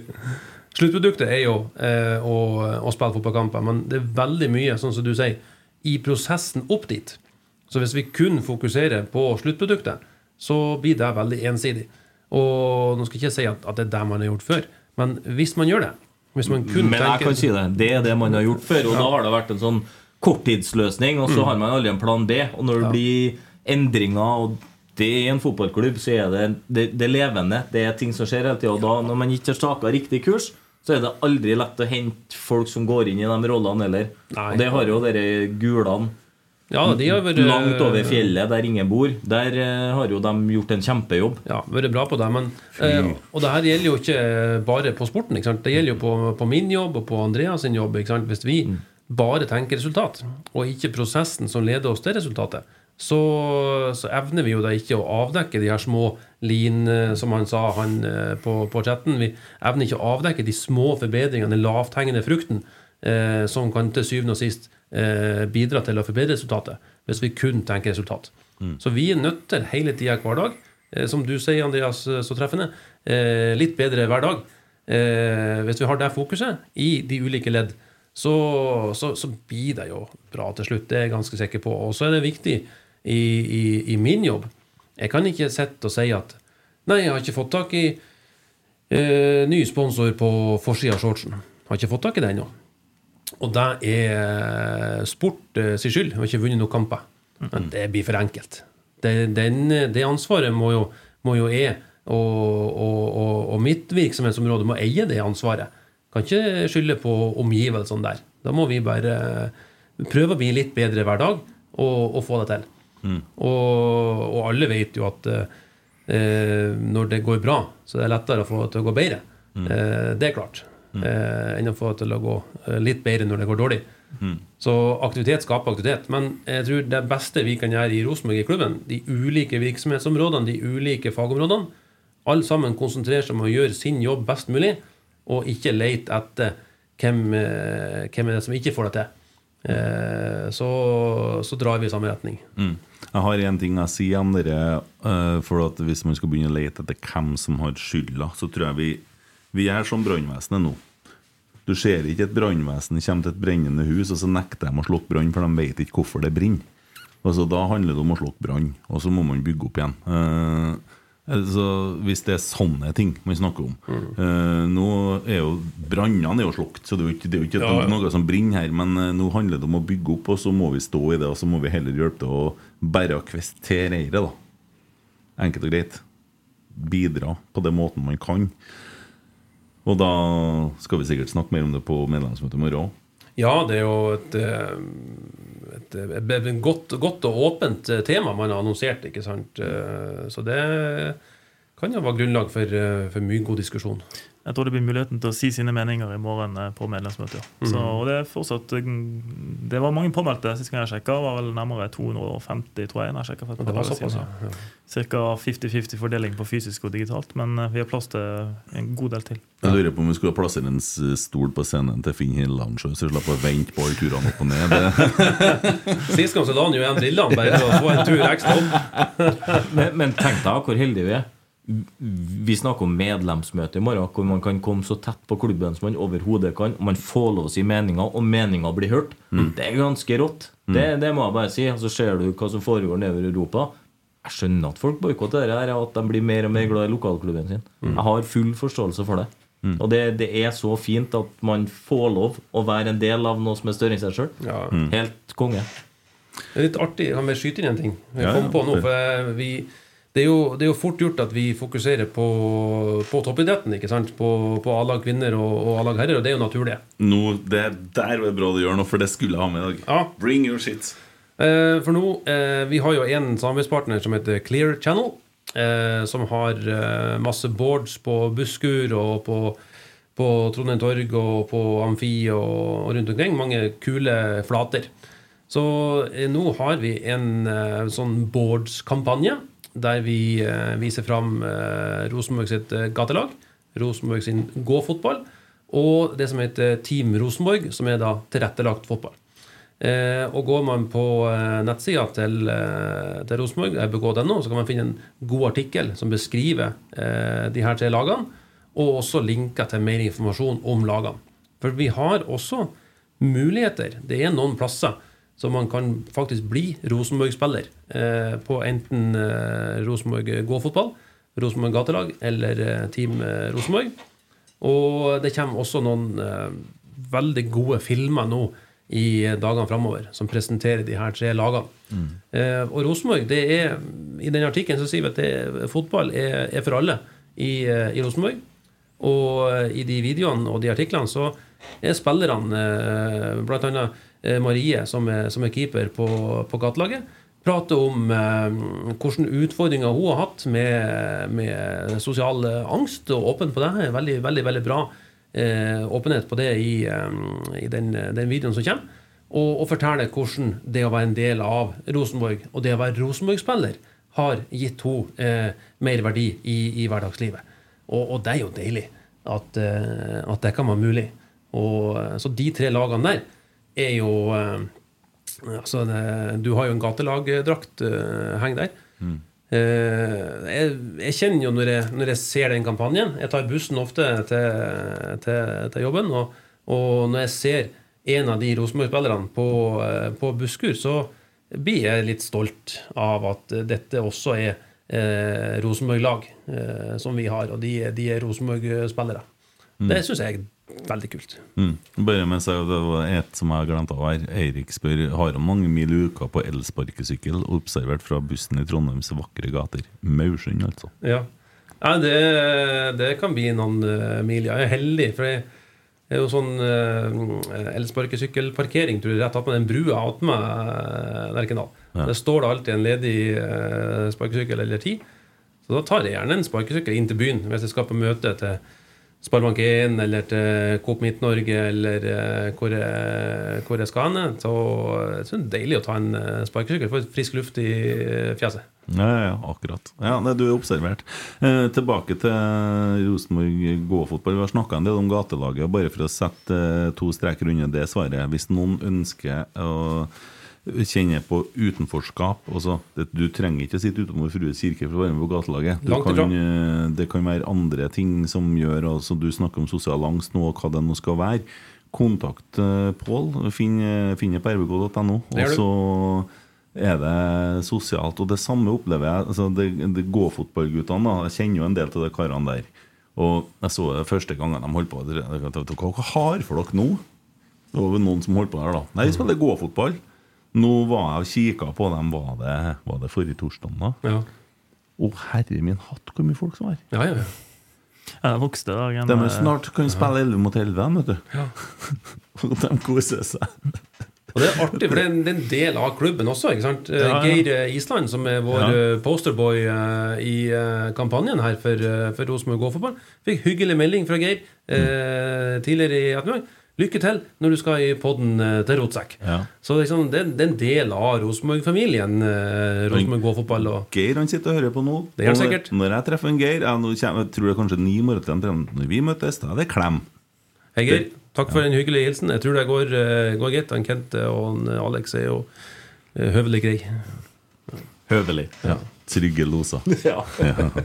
Nei, men jeg syns det er utrolig fint, og det der igjen er jo for de litt eldre karene, og det er sosialt og ja, De eh, tar seg en kopp kaffe og sitter og flirer litt etterpå, så får du en historie fra før i tida, og det, det er utrolig vakkert. artig gjeng. De, de skryter fælt, og jeg tror det lyges en del også. Det, det der eh, langskuddene blir lengre og lengre for, for hver trening. Ja, Ja, det, men det er fint.